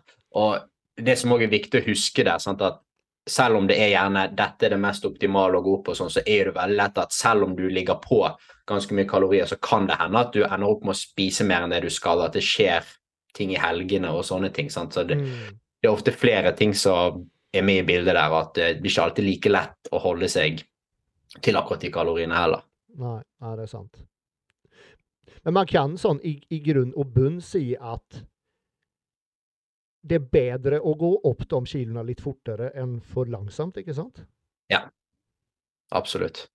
Og det, det, er det som er så dumt, at hvis du ligger på 200 kalorier etter konkurranse, Mm. og så kjenner du bare at du blir enda mer sulten, du har ikke den konkurransen som holder deg i tøyle, som gjør at du klarer å holde deg til kaloriene, Mm. eh, og så ender du opp med å binge. Og så for å jobbe imot det at du binget i helgen, så ligger du lavt igjen i ukedagene, og så ender du bare opp med å ligge der frem og tilbake og ikke være på en god plass. Mens hvis du da heller ligger på ganske mye kalorier med en gang, for å komme deg opp på den mer sunne fettprosenten litt raskere, Mm. så kan det hende at det kanskje er lettere for deg å holde deg til kaloriene, for du får så mye mer mat å jobbe med. Hvis du får 1000 kalorier ekstra, så det er det mye lettere for deg å holde deg til det. Og det jeg òg har gjort for meg sjøl, da Jeg sier ikke at dette funker for alle, men jeg innstiller meg på forhånd at OK, konkurransen er ferdig 15. april, men det er fortsatt en jobb å gjøre. Jeg, må, jeg, jeg tenker at dietten er litt lenger, da. At jeg tenker i hvert fall tre måneder etter konk. At det nesten er en litt sånn recovery-periode etterpå. Og jeg begynner ikke å ligge inn. Jeg prøver å holde maten ganske lik. For det jeg merker at når jeg begynner å skru opp kaloriene, selv om jeg har mer mat, så blir jeg ofte mer sulten. Mm. At det akkurat som jeg får litt mer grelin, sånn som hvis kroppen registrerer at jeg har mer mat tilgjengelig. Og da for meg hjelper det å holde på havregryn, holde på poteten og den mettende maten, og så heller gradvis begynne å legge inn litt mer sånn drittmat og passe det inn i kaloriene. For hvis jeg går rett på å ligge de 1000 kaloriene ekstra kun i drittmat og sånt, så blir det enda mer sulten, Ja. og så blir det enda vanskeligere å holde seg til det, og så kan du ende opp med å overspise. Nettopp. Og det som er når du er i den konkurranseformen Jeg mener, uansett hva du spiser, så er alt er godt. Alt, eh, havregryn er jo en nytelse utenom denne verden, ikke sant? Så det er liksom Det er jo som du sier, mye bedre å øke, øke på den samme maten du har spist på dietten, for da blir det relativt mye volym. Mm. Og da blir du også mye mettere. Sen, sen en annen ting som, som, eh, som jeg tror mange mange lurer seg sjøl. Man snakker jo om den rebound-effekten man får etter konkurranse. At det er liksom Mm. at man, det er så lett å legge på seg muskler, ikke sant? Mm. Kan du ta og snakke litt om det? At det, det, er, det er ikke muskler du legger på deg, dessverre. Nei, det er jo den rebound-effekten. sant? Altså, tenk du er Altså, du ligger kjempelapp på fettprosenten, du har tømt glykogenlagrene dine, det er ikke så mye trøkk i muskulaturen som det var på bulk, og når du da kanskje ligger veldig mye lavere på sodiuminntaket ditt, og når du plutselig begynner å spise masse mer mat og bare spise alt du ser, du vil jo føle et kjempebra trykk på øktene, det vil kjenne kjempebra ut, men det er som regel bare masse vann, glykogenlagrene fyller seg opp, og så litt fett oppå der igjen i tillegg. Sånn. Så det, at du er ikke i et bra miljø for å gro muskler. Testosteronnivået ditt er mye lavere enn det pleier, og kroppen er i en skikkelig stressende situasjon. Sånn. Du har masse kortisol og bare er superstresset. Så du, den rebound-effekten, det er ikke noe sånn at du bygger masse muskler rett etter konk. Det er bare at du holder mye mer vann, væske og ligger på deg fett. Mm. Og så får du skikkelig bra trykk, for du spiser mer mat. Ikke sant? For det kroppen er innstilt på, det er jo overlevelse. Og, Mm.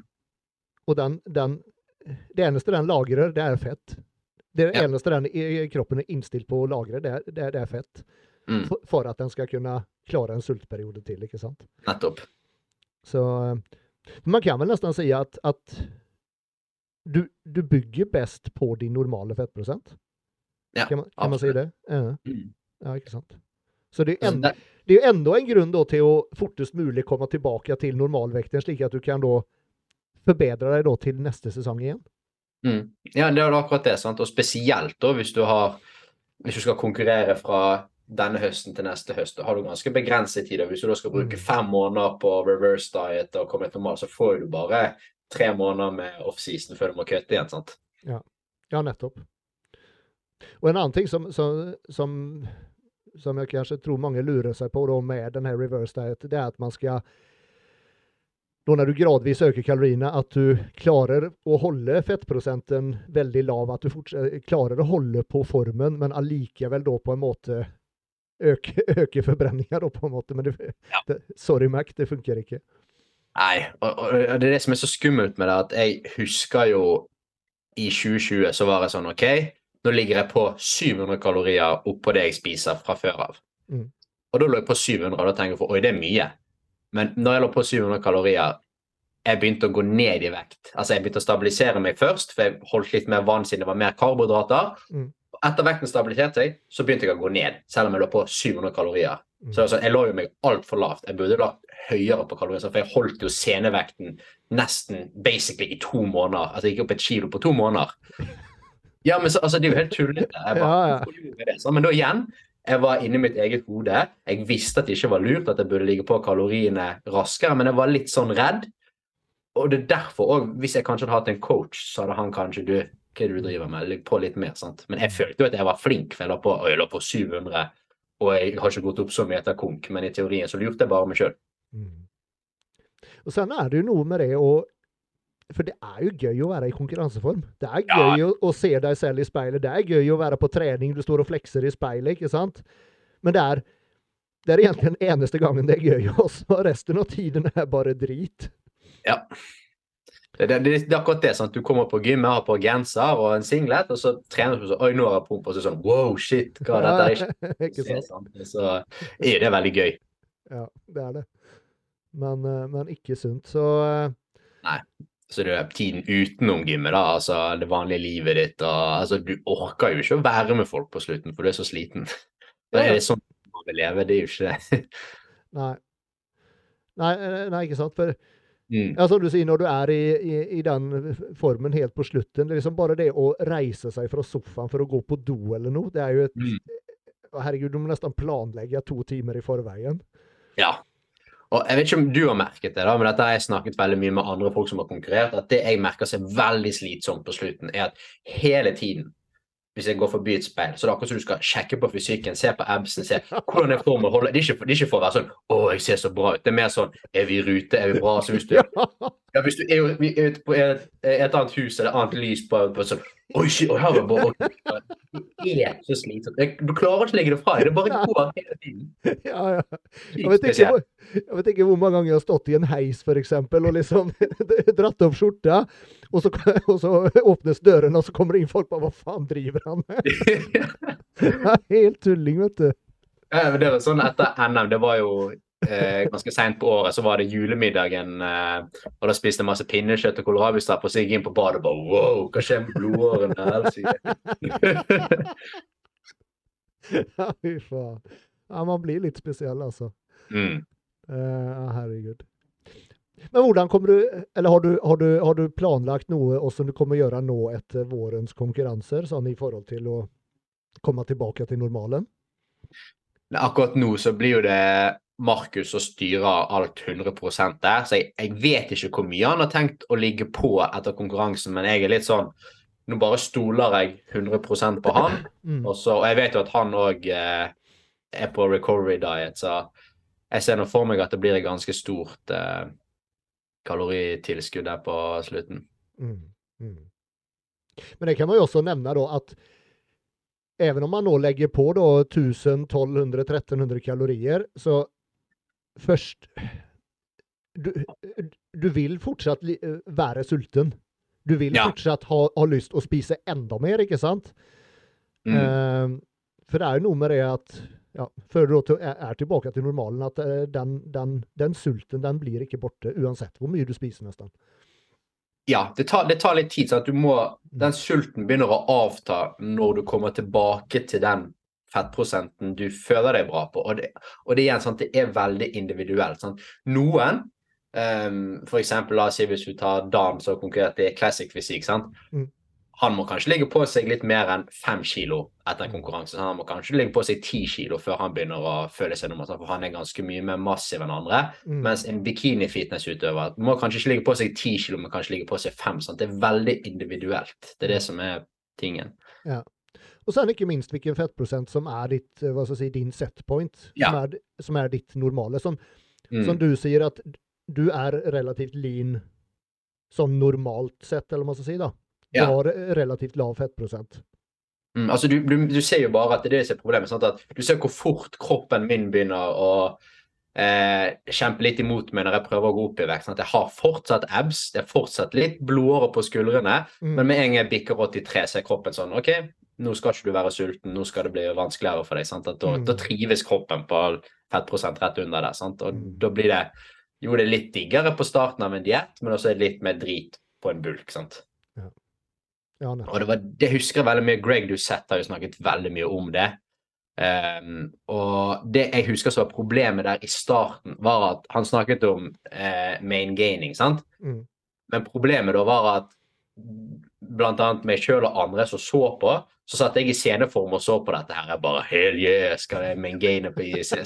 Var, men, men nå seinere så har han blitt flinkere på å si hvis du har vært i, og konkurrert, da må du bulke hardt i starten og ligge på deg mye vekt i starten. Mens hvis du bare har gjort en livsstilendring og vil vedlikeholde vekten du er i, Mm. da må du heller kjøre main gaining derfra. sant? Ja. Og, og det er jo der igjen Hvem er det du snakker til? Ja. Sånn, Det er, er det en fysikkutøver, eller er det en som har gjort en livsstilendring og vil, vil vedlikeholde vekten de har gått ned? Vi ønsker ikke å vedlikeholde vekten vi har gått ned. Nettopp. For Da er vi i sceneform, og det er jo altfor lav fettprosent. Nettopp. Og det går ikke å komme utenom det. Sånn er det bare. Nei. Sånn, det er sånn kroppen fungerer. Ja. Uh, skal vi se, fikk et spørsmål til her. Når man skal finne vedlikeholdskalorier eh, ganger man hvileforbrenning med aktivitetsnivå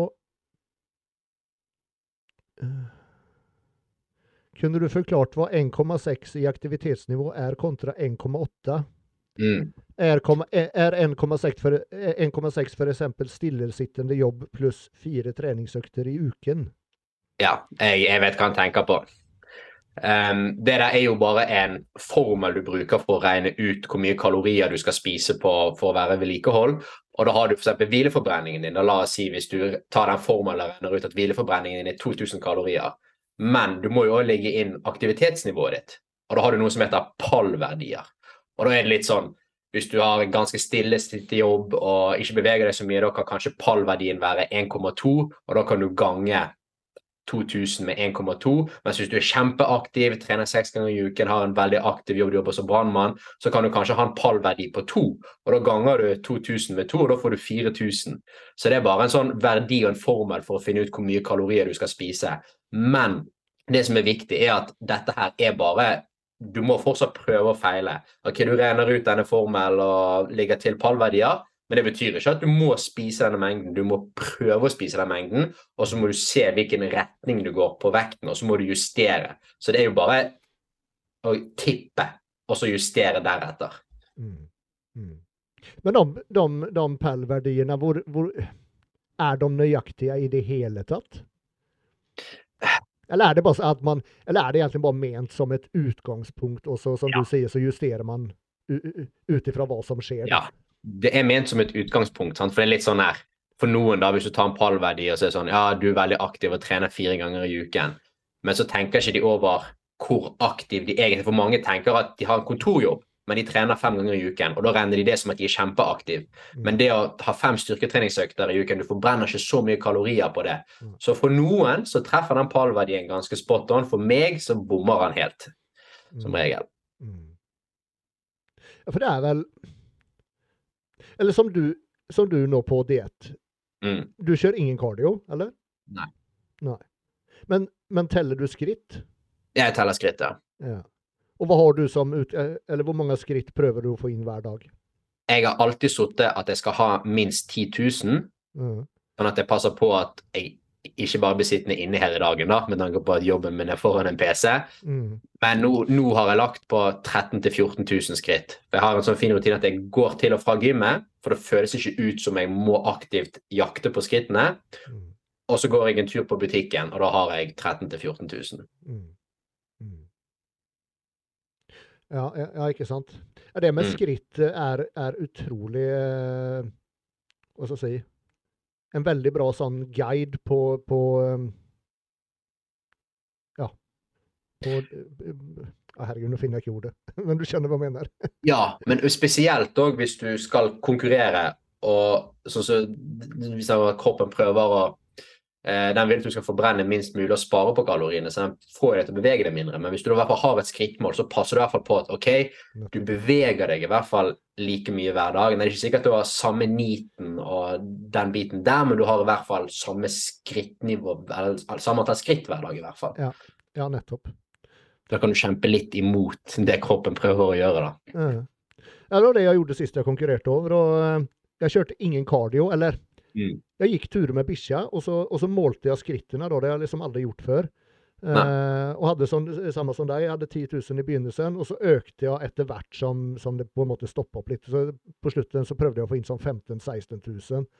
Så bikkja var jo kjempefornøyd, men eh, det var ikke like gøy på slutten å gå ut med bikkja når du skulle få, få inn skrittene, da. For jeg, du har jo bare lyst til å sitte stille og gjøre minst mulig.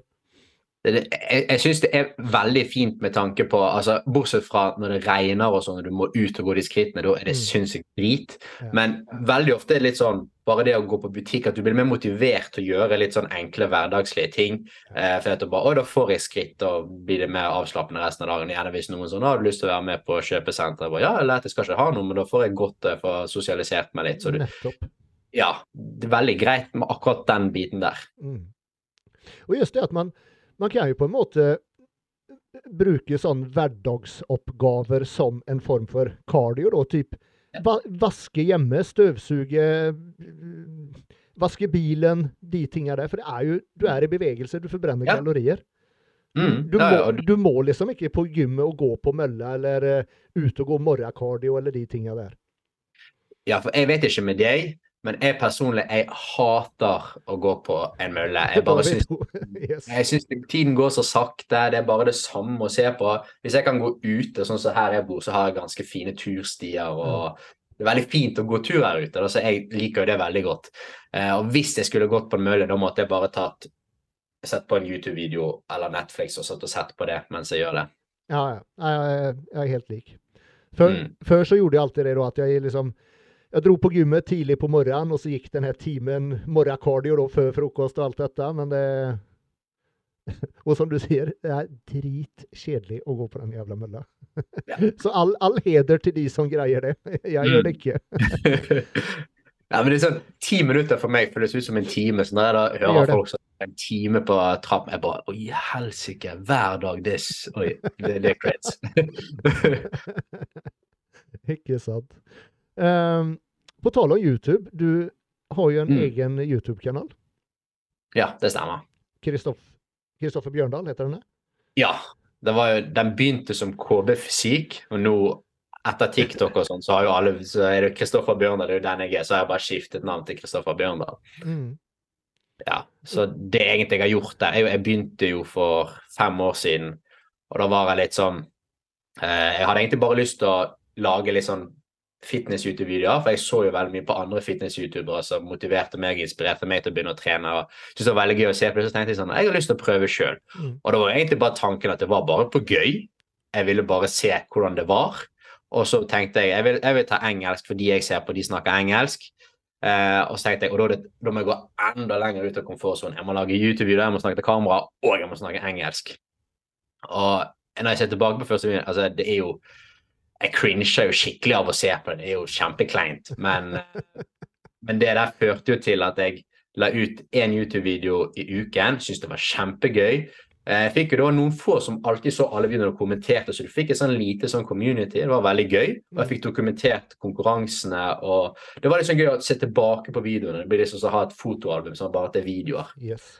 Um, og da ble jeg ganske komfortabel foran kamp, for jeg var jo vant til å gå matvarebutikken med et svært speilreflekskamera og snakke til det sånn her, sant. Um, og så har jeg bare dokumentert på Instagram ved siden av. Men så nådde det et punkt der jeg begynte begynte fant ut om TikTok. Så brukte jeg det bare under korona for å ha noe å gjøre på jobb og se på videoer der. Mm. Og så så jeg at folk bare svarte på spørsmål. Og jeg tenkte sånn «Å ja, Jeg kjedet meg skikkelig nå. Så bare, jeg bare begynner å svare på spørsmål. Og så bare eksploderte det. Og da bare gikk det så 10 000 følgere på en måned, sant? og så 20 000 på to måneder. Og det bare Det gikk så fort. Og det var bare mye med engasjement, og det var så mye kommentarer. Og da var jeg veldig sånn Oi, dette er gøy. Ok, jeg vil svare på det, jeg vil svare på det. Og jeg bare la jo ut 5-18 videoer om dagen. La havregrøten i mikroen, laget en video det minuttet den var vi bare, Og det var så gøy. det var sånn, Jeg løp hjem fra jobben der, for jeg hadde så mye ideer og ting jeg ville svare på. Sant? Og det var, det var helt annen verden. Men det vil si at du bruker ganske mye tid hver uke på, på både sosiale medier, på YouTube. Det går, Mm. det går mye tid. Ja, det går veldig mye tid. Um, da, på det tidspunktet, for det var jo i desember i fjor jeg begynte, så jeg har jo holdt på i litt over et år nå. Og da var det egentlig, altså det var en fulltidsjobb. Jeg jobbet åtte timer om dagen. eh, hadde fem til seks vakter i uken. Og da var det egentlig bare TikTok-videoer hvor jeg kunne skvise det inn. Eh, og så hadde jeg jo veldig mye videoer fra før av, så jeg kunne legge inn gamle treningsøkter og gamle videoer og ta voiceover over det.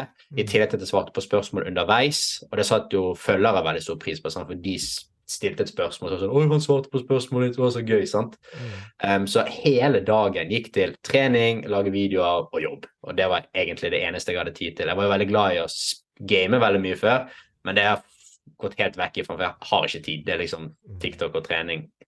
Og spesielt nå er jo det en mye viktigere del av hverdagen min med tanke på at siden jeg jobber som online-coach, så er det viktig å vise seg på sosiale medier. Sant?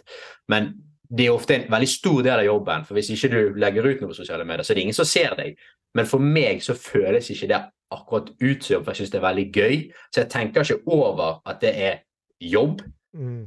Så det, det mer sånn, Sitter med ned på PC-en om morgenen og har en arbeidsdag og gjør meg ferdig med online-coachingen, og så er det lage videoer, men da er det litt sånn Det føles ikke ut som en jobb, selv om det, det er ganske mye jobb.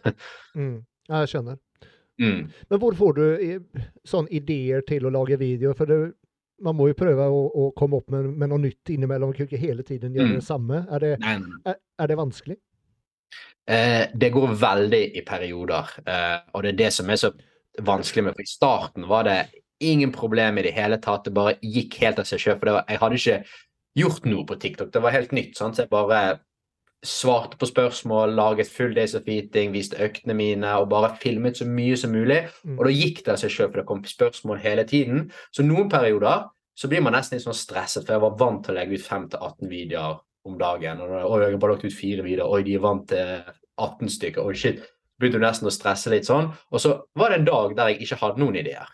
Og så begynte du å bli litt sånn Oi, jeg, jeg må jo legge ut noe. Nei, nei, nei. Det går veldig sånn opp og ned. Så du må på en måte bare, når du er i en god periode og har masse ideer, så må du på en måte bare melke det og lage masse videoer, eventuelt lagre utkast i perioder du ikke er så veldig motivert. Mm. Og det, det er det som er så fint med TikTok, at det går litt av seg sjøl. For så lenge du lager noen videoer og prøver noe nytt og tester forskjellige ting, så vil det alltids komme kommentarer som du kan svare på. Og plutselig så kan jeg føle at i dag har jeg ingenting, jeg kan ikke legge ut noe. Og så bare legger jeg ut en video, får masse kommentarer og bare oi, og så setter de i gang masse. Og da får jeg nesten bare ideer av kommentarene og engasjementet på videoene.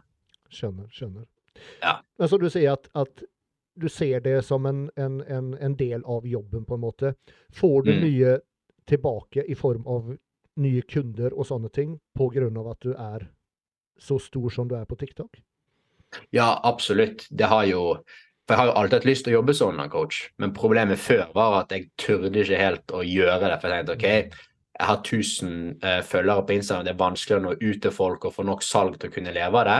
Mm. Men det å ha så mange følgere som jeg har nå, men det viktigste er ikke bare hvor mange følgere du har, men det er det at hvor aktive er følgerne dine, og liksom gir du noe tilbake, gir du noe verdi til dem, sånn at de føler at du får det communityet. Mm. Og, og det har hjulpet veldig, selvfølgelig. Altså, det, ikke, det er en stor del av å jobbe som personlig trener og online coach. Det er mye salg, og du må selge deg sjøl. Mm. Men det er jo der at du må ha den fine kombinasjonen av Nå har jo jeg dokumentert og vist hvordan jeg gjør ting, vist hva jeg har erfart, eh, men også det at du har en kombinasjon at du viser personlighet, og at du legger ut litt faginnhold i tillegg. At du klarer om, for da kan de se sånn ok, Hadde vi to passet bra sammen personlighetsmessig? Jeg ser at du har erfaring og kan ting, men hvordan eh, går vi sammen sånn rent personlighetsmessig? Ja, for det er jo en stor, det er en veldig stor del av det å faktisk ha, eller ha, ha en coach, da. At, Mm. og det var jo noe av det, det du så selv etter når du skaffa deg coach, ikke sant? At dere var på, på et godt sånn kommunikasjonsplan, da. Mm, ja, nettopp. Og det var fordi at han hadde vist så mye av seg selv på TikTok, så da visste jeg hva han kunne, hva erfaring han hadde, hva utdanning han hadde. Mm. Eh, men så var det òg litt det der at med tanke på at begge to eh, var litt store på TikTok, så var det òg veldig greit med tanke på at vi kunne lage videoer sammen, og det kunne hjelpe å pushe hverandre videre. Mm. Ja, ikke sant. Eh, vi tar en kjapp reklame til. Har du sjekket ut nyhetene til eh, Superswole? Nå har de i tillegg til de humoristiske og selvironiske trykkene også kommet med skikkelig tøffe og kule motiv, som du da kan få på eh, alt fra T-skjorta eller tanktoppen din til kaffekoppen. Jeg skal ta og gå inn og vise litt her hva de har. Her er nettsida til Superswole, superswole.no. Uh, og her kan du bruke kode Gymbros20, så får du 20% rabatt på hele sortimentet. Skal jeg ta og gå inn og kikke litt på T-skjorter her. Som dere ser, et veldig stort og bredt uh, utvalg. Alle finner noe de liker. Her har de uh, litt sånn selvironiske, litt artige trykkene. og det kommer i forskjellige farger også forskjellige størrelser. Alt fra ekstra small opp til dobbel XL. Når vi kikker videre, så ser vi her de eh, nyere trykkene, da, som er litt tøffere, med litt sånn dødningshoder, djevelsfigurer. Litt sånn ondskap over det. Det er sånn som jeg liker. Så jeg ser at jeg må eh, opp, uh, oppdatere kolleksjonen min litt. Iron Made Me, den må jeg seriøst ha. Gammel Iron Maiden-fan som jeg er. Kommer også sagt i masse forskjellige farger. Videre har de gensere, tanktopper, og her får du da eh, samme trøkkene. Shortser kommer snart. Eh, går å forhåndsbestille nå. De har også kopper. Og det er da med samme type trykk. Eh, kan man få sin personlige kaffekopp, som passer godt inn på deg. Eh, har også plakater, postere, uh, flasker, og de kan også bistå med å profilere f.eks. treningsrommet ditt eller gymmet ditt. Så eh, ta en tur innom superswole.no, og så bruker du kode gymbros20, så får du 20% rabatt på hele sortimentet. all right. Jo, du og Lasse og hvem var det mer? Starta vel en podcast? Robin, ja. ja mm. Robin, ja. Stemmer. Men det er, det er, noen uker siden det kom en eh, episode. Hva skjer? Nei, altså, vi har jo eh, det var jo egentlig bare helt tilfeldig. Vi bare var på, på gym og snakket sammen. Og så Vi slenger så mye drit til hverandre sant, på, på gym og bare kødder. Ja. Eh, og da nevnte jeg bare så, Det var gøy å ha en podkast. Tenk hvis det hadde vært et kamera her nå og filmet alt vi sa. Jeg bare, å, jo, det kunne vært et kamera, men jeg kunne ikke hatt med alt det her. Det hadde ikke gått. men um, Og så sa vi bare Det hadde vært gøy å lage en podkast. Og da så bare Ja, vi gjør det, da. Bare, dere med? Og bare Ja, OK, kjør på, da. Um, og det som er så veldig gøy, er at de er veldig flinke å roaste hverandre og roaste meg. Men jeg er litt mer sånn jeg er litt mer snill. Jeg syns det er vanskelig å roaste han. Så det var sånn, Jeg kom med en bra roast, og så så jeg Robin bare sånn Så sa han ikke noe. og jeg bare det var bare tull, Robin. Unnskyld. Og de bare 'Du må ikke si unnskyld!' Okay, faen, ok, Så nå er jeg for streng. Jeg skal ikke si unnskyld hvis jeg, hvis jeg roaster noen. Det er ikke lov. Men det som har skjedd, er egentlig bare at vi var inne i en god flyt i starten. Um, og så har egentlig bare alle tre vært dårlige på å si nå lager vi en podkast, nå samles vi. Robin har hatt veldig mye å gjøre med gymmet. Jeg har begynt med, jeg hadde jo mye tok PT-studiet på veldig kort tid og begynte med online-coachingen og var litt travel der. Eh, Lasse har jo hatt en liten pause fra sosiale medier nå, så vi har egentlig ikke snakket så mye om det. Men det er godt mulig at det kommer en comeback. Men det er litt sånn, det er mer sånn litt på gøy, bare vi sitter og snakker drit og snakker litt om bodybuilding. og Eh, og mye liksom på Olympia predictions og sånne ting er litt gøy. sånn, Så mm. uh, kanskje det kommer en episode igjen etter hvert. jeg har sett eller, eller lyttet til de, eh, de, tre episodene som har kommet. Og, mm. Det er liksom Det er gøy å bare lytte på. Mm. Det er akkurat det har noe i bakgrunnen. Ja, nettopp. Men det, men det er det å, å, å holde ting eh, si, gående over tid. Og det er samme som det med, med, med så aktiv som du er på sosiale medier. da det, kre mm. det krever en innsats. Absolutt. Det, det, er litt sånn ikke ha for mange plattformer på en gang, sant? Yes. Yes. helt klart. Uh, langtidsmål, har du satt deg noen sånne mål i fremtiden? Noen har proffdrømmer, er det noe som du uh, Ja. har? Det Jeg har jo Altså, akkurat langtidsdrømmen Jeg syns jo det er kjempegøy å konkurrere, og jeg kommer til å konkurrere så lenge jeg syns det er gøy, Mhm. og det gir meg noe. Og siden jeg er så glad i trening som jeg er, så syns det det Bare det å ha en konkurranse eller noe å jobbe mot, gjør bare at jeg syns treningen blir litt mer meningsfull. Det blir litt mer motiverende å pushe seg og fortsette å grinde i en bulk og gi alt du kan, da, enn om at jeg bare skulle trent fordi at det er gøy. Um, men det som er planen, er at det kortsiktige målet er jo den førsteplassen der. Men jeg har veldig lyst å gå for proffkort etter hvert.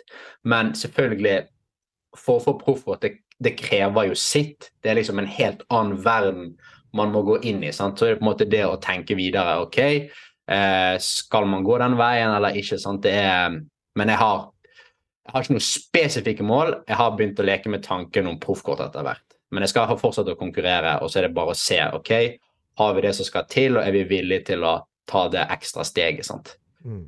Mm. Mm. Men det er Du har ikke hatt noen eh, sånn tanke på å eh, etter hvert gå videre til classic bodybuilding eller classic fysikk eller noe sånt, utan det er menns fysikk som du føler er klassen din? Det var veldig bra du sa, for eh, jeg har jo fått veldig mye tilbakemelding, spesielt fra TikTok og folk, at de har lyst til å ha meg over i classic bodybuilding. Lasse har jo òg mast masse på Mm. meg. Eh, for beina mine er jo en av de sterkere, eller en av de bedre tingene på fysikken min, og de blir jo skjult nå.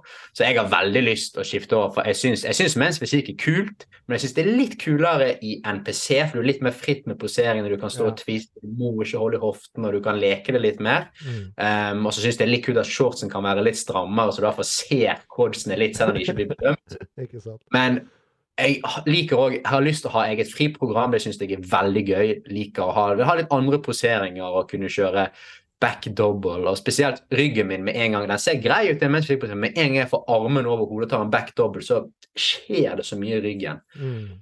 Så jeg har lyst til å potensielt skifte over etter hvert. Men jeg har ikke lyst til å bare stille i classic bare for å stille. Jeg har lyst til å få litt mer size på meg først. Mm. Mm. Ja, du har jo god tid, da. Herregud, du er syv, Ja. 27, ikke sant? Du, Mm. du, du har mange gode år foran deg, Ja. liksom. Og det er litt med alder, sant? at du sier du har god tid på deg. Og jeg er litt sånn, ja, jeg, jeg er 27 år, mange hadde begynt å stresse. 'Å, herregud, du er nærmere 30 enn du er 20.' Jeg bare, ja, men altså, jeg føler at jeg bare blir bedre for hvert år. Jeg føler meg bedre, jeg bygger meg muskler. Jeg føler ikke at alderen er et problem, eller at jeg begynner å bli eldre. Jeg synes bare, jeg, jeg føler det bare fortsetter å gå oppover foreløpig. Ja, du er jo ikke i din prime engang. Nei, det er akkurat det som er så gøy, sant. Så, Det er, det er vel ofte det man sier, at rundt sånn 4-35, da, da er det primen, liksom. Så det, Mm. du, har, du har mange gode år dit. Ja, nettopp. Og i hvert fall nå når jeg har fått sett Nå når jeg har konkurrert tre ganger og konkurrert hver høst, og nå når jeg ser Jeg tok ett og et halvt års offseason, som ikke er all verden, og så kan jeg se så stor forskjell som jeg er sånn Jeg blir helt sjokkert med tanke på at jeg har trent styrketrening i nesten ti år, og så kan jeg se så stor forskjell når jeg har trent så lenge som jeg har gjort. Det er litt sånn Hvordan? Mm. Ja, ikke sant. Mm. Men det, det er også noe med det at jo, jo, jo lenger du har trent, jo mer erfaring har du også, så du vet mer Ja. hva som funker. Og så bare at du har en, en, en ved siden av deg, nå som på en måte hjelper deg å styre ting, ser ting med litt Mm. andre øyne, de tingene der, Ja. det, det gjør jo også en forskjell. Det er akkurat det. Og så merker jeg òg at selvfølgelig jeg, jeg merker hvor mye mer jeg lærer for hvert år. Jeg får mye flinkere folk rundt meg. Mm. Og bare Altså, jeg, bare så tilbake på videoer for to-tre år siden. Altså, så hvordan jeg strukturerte øktene mine. bare sånn, ok, Det var mye mer volum. Jeg så at jeg var mye mindre flink å pushe meg sjøl. Det jeg har blitt mye mer flink på det siste året spesielt, er å pushe nærmere null reps i reserve og høy nok intensitet. Også med tanke på at jeg har blitt litt mer sånn spesifikk med øvelser, med tempo og eh, bare bedre kvalitet på settene. Og det i seg sjøl tror jeg har veldig mye å si. Og det med å bli litt mer rutinert på øvelsesutvalg ut ifra hva målet ditt er, og velge litt mer taktiske øvelser. Mm. Mm. åssen er du eh, Eller hva mener du om at eh, Er det enkelte øvelser som ikke passer for enkelte folk, da? Eller man skal si at man eh, For eksempel som for meg, da. Jeg har liksom Mm. aldri kjent noe som helst i, i, i foroverbøyd roing. Det det, eh, Mm. jeg får det Eller sånn, sånn teknisk sett så, så gjør jeg øvelsen helt riktig og allting, men det føles bare ikke riktig. Så, så er det sånn enkelte sånne øvelser som du på en måte har valgt bort fordi at du føler ikke at den er bra for deg? Ja, absolutt. Eh, og det viktigste å huske på her er sant, her kommer det an på målsetning. Og hvor seriøs du er. sant? Mm. Og sånn som du sier, en roing med stang. sant? Du vil kunne gro masse muskler. Eh, det vil funke så lenge du blir sterkere på den øvelsen. Men så er folk bygd forskjellig, så noen øvelser vil føles bra ut for deg.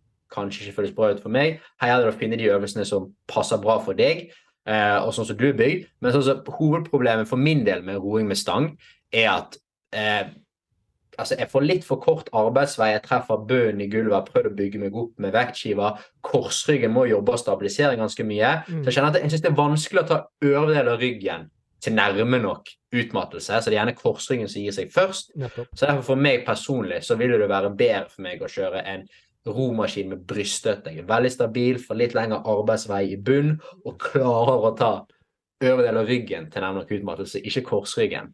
Og hadde målet vært f.eks. å bygge større korsrygg, ville jeg da gjort roing med stang, der korsryggen får jobbet eh, altså bare stabiliserer og jobber statisk, eller ville jeg heller tatt en rygghev der jeg får jobbet med den dynamisk og kan loade den tyngre? Altså, det er litt det, sant? at hva er målet ditt? Og det samme med quads, da. Jeg har vært kjempeglad i knebøy og markløft, og det er jo veldig fine øvelser. Det er masse stimuli, men stimulien er spredd litt mer rundt. Sant? Det er masse adduktorer, det er masse framside lår, det er masse rumpe. Mm. Korsryggen stabiliserer her òg og jobber litt mer statisk. Mm. Um, men hvis du vil ha fullt fokus på framside lår, så kan det kanskje være mer fordelaktig å ta en hekskott eller en pendulumskott eller en beinpress der du er mer stabil, og det er lettere å ta framside lår til nærme nok utmattelse. Men betyr det at knebøy er feil, at du aldri bør gjøre det? Selvfølgelig ikke. Men hvis du har lyst på et proffkort og du er villig til å gjøre hva som helst for å få mest mulig muskelvekst, så kan den lille forskjellen med at du bytter ut knebøy med hekskott kanskje gjøre en stor forskjell.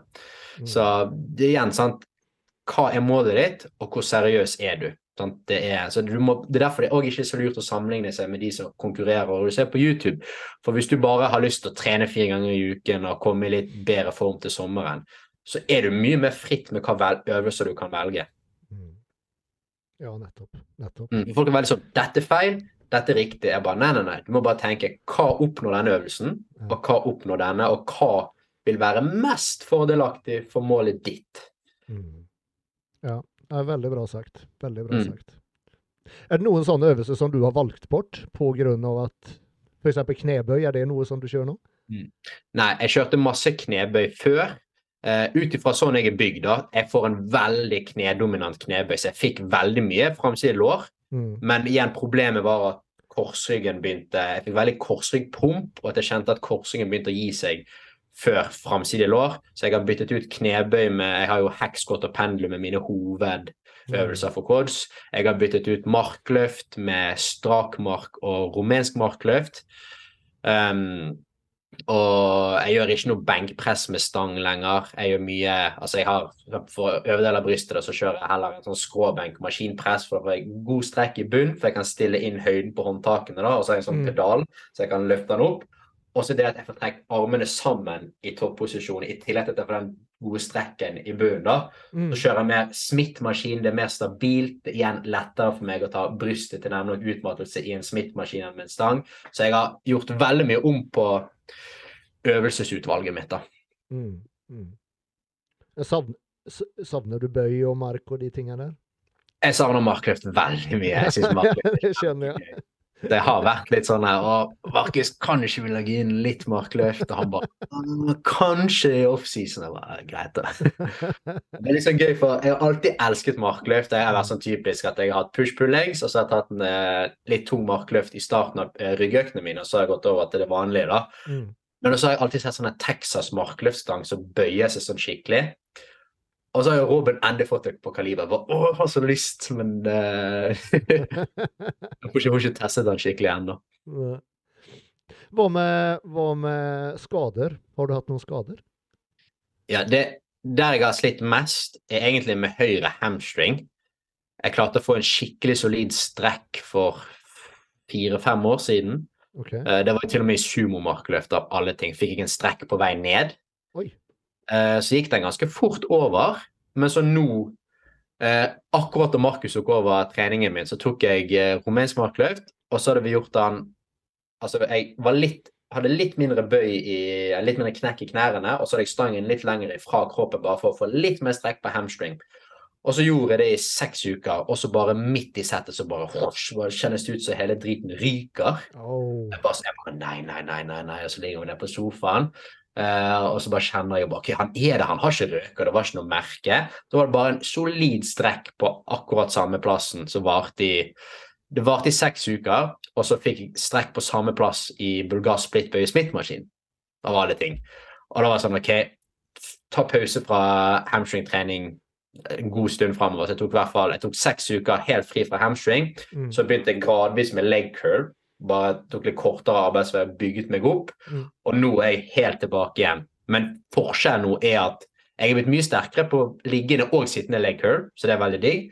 Og så begynte jeg å ta strakmark der jeg begynte i bunnposisjon. For da begynte der hamstringen var utstrakt og hadde mest strekk på seg. Mm. For da følte jeg at jeg hadde litt mer kontroll enn at jeg tok en rumensk der jeg på en måte lener meg ned der det er mest strekk. Da jeg synes det var litt det føltes tryggere ut for meg å begynne i utstrakt posisjon.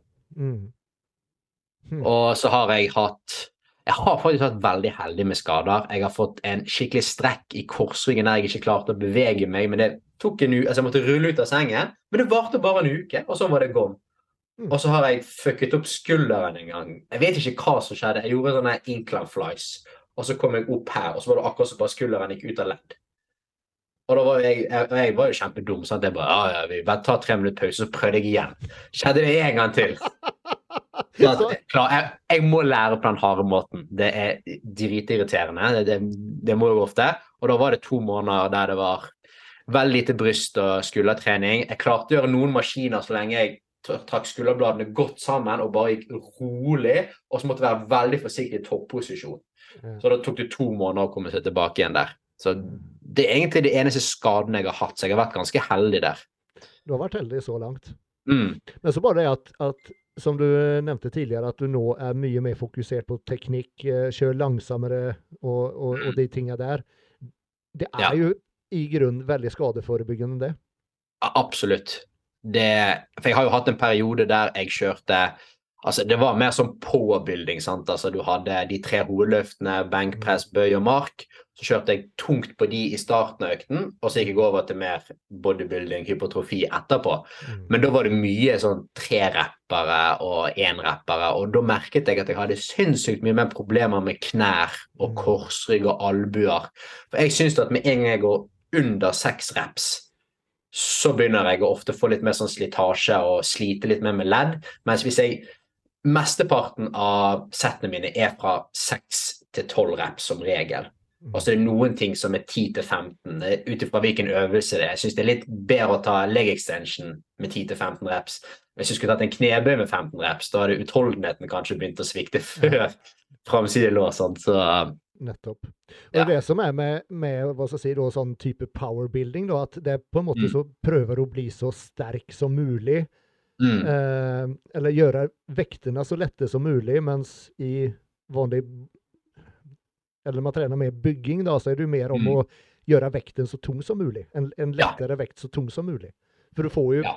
du får jo samme effekten, på en måte. mm. For det er jo Altså, hvis du trener for å få større eh, quads, så er det gitt muskel du ønsker å trene. Da gjorde du klarte mye med vekt i knebøyen, men du skjøv jo hoften ganske langt bak og brukte masse rumpe. Yes. Så, og, og det er der òg at for meg å ha litt mer sånn tempo. Jeg har mye tempoarbeid. To sekunders eksentrisk, tre sekunders eksentrisk og ett sekund pausebunn. Og den pausen i bunn gjør jo f.eks. at uh, i en hackscot så bouncer jeg ikke i bunn. Jeg har mye mer kontrollert bevegelser, og at det er mer framsidig lår som jobber, ikke at det er denne strekkrefleksen i bunn. Og så lenge du blir sterkere over tid og standardiserer teknikken, at hver eneste rep ser lik ut, det er det som har vært viktig for meg. Nettopp. Og det er da det er enklere Eller det, og så skal jeg si, det er da du virkelig ser om du faktisk har fremgang i treninga, om du faktisk Mm. blir sterkere i øvelsen. Just at du har den standardiserte utførelsen av øvelsen. Du vet at OK, det var akkurat sånn jeg gjorde sist gang, men nå klarte jeg en rep til, så ja, jeg har blitt sterkere, ikke sant? Mm. og, og det er jo der òg denne med påbygging. sant? At Da prøver du å gjøre to ting samtidig. Yes. Og Da blir du som regel kanskje OK på begge, men hvis du vil bli virkelig god på en av dem, så er det bedre å satse fullt ut på det. Men selvfølgelig, er målet ditt bare å ha det gøy på trening, og du syns påbygging er kjempegøy, og det gir deg masse, og du bygger muskler og blir sterkere, kjør på. Men hvis du er litt mer spesifikk og har en litt annen målsetning, så kan det være litt bedre for deg kanskje å fokusere litt mer på én ting. Men det her, sant? hva er målet ditt? Det er det som er så viktig her. Mm. Og da for meg som ønsker å konkurrere og satse og nå så langt som jeg kan innenfor konkurranse, så er jo det bedre for meg å heller ha litt mer fokus på muskelvekst enn å skal fikse på egoet mitt med de tre løftene og holde meg til de, sant. Nettopp. Men det, det er egentlig noe med ego, det er det som styr de tre øvelsene. Ikke Mm. sant? Ja, ja, ja. For det er mye kulere å kunne si at uh, ja, faen, jeg er dritsterk i marken og jeg dro 250 whatever, ikke sant? Men så si at uh, ja, jeg klarte 400 i beinpress, liksom. Det, det er ikke helt det samme. Det, det er akkurat det, og det merket jeg veldig i starten når jeg begynte å gå vekk fra de løftene. For jeg, som veldig mange andre, så hvis mange YouTube-videoer eller ting du, steder du leser, så for, legger folk det fram som at du må ha de tre løftene for å få Mm. oppnå muskelvekst. Um, og jeg merket at jeg var veldig følelsesmessig tilknyttet til de tallene jeg hadde. Så når jeg gikk vekk fra det og begynte å fokusere kun på hypertrofi, Mm. så merket jeg at det var litt sånn Oi, jeg har ikke lyst til å gi slipp på disse. Mens nå, nå er jeg på et punkt der jeg bryr meg ikke lenger. Og nå er jeg litt sånn Før så syntes jeg det var veldig imponerende å se på folk løfte tungt i bøy og mark og sånn. Mens nå er jeg litt sånn Oi, helsike, han har åtte plater på hacksquaten, og han går dritsakte ned og har pausebunn. Det er sykt. Nå syns jeg liksom det er litt mer imponerende at det er det jeg ser på istedenfor, da. Ja. Ja. ja, det er deilig når man kan legge det fra seg. Jeg, Mm. jeg på en måte har vært nødt til å legge det fra meg pga. skader og annen dritt. Mm, ja, for Du har vært veldig glad i den knebøyen din. Ja, knebøy, og jeg savner det. Jeg savner det. Herregud. Men, Ja. Kristoffer, det har vært eh, nesten, eh, nesten to timer. Eh, veldig god samtale. Er det, er det noe du har lyst til å si sånn til slutt? Noe du har lyst til å eh, takke? Noe du har lyst til å plugge? Noe du har lyst til å fortelle folk? Jeg vil egentlig bare si tusen takk for at jeg fikk lov å være med på podkasten. Det har vært uh, utrolig hyggelig og veldig gøy å få møte flere folk som har samme interesser innenfor samme miljø. Og så vil jeg egentlig bare takke for alle som har fulgt med og hjulpet meg hele veien. Jeg hadde ikke vært her jeg er, hadde ikke vært for de fine følgerne jeg har, og engasjement og det fine community og samholdet. Så jeg setter utrolig stor pris på det. Mm. Og vi, eh, vi ses i Sandefjord om eh, ja, Hvor mange uker er det igjen? Fem? Seks? Seks uker nå. Seks uker. Mm. Jeg gleder meg til å se deg på scenen. Jo, takk for det. Igjen, tusen takk for i dag, Kristoffer. Jo, takk for det. All right, folkens. Vi er tilbake om en eh, uke med Gymbros. Ha det godt til den gang.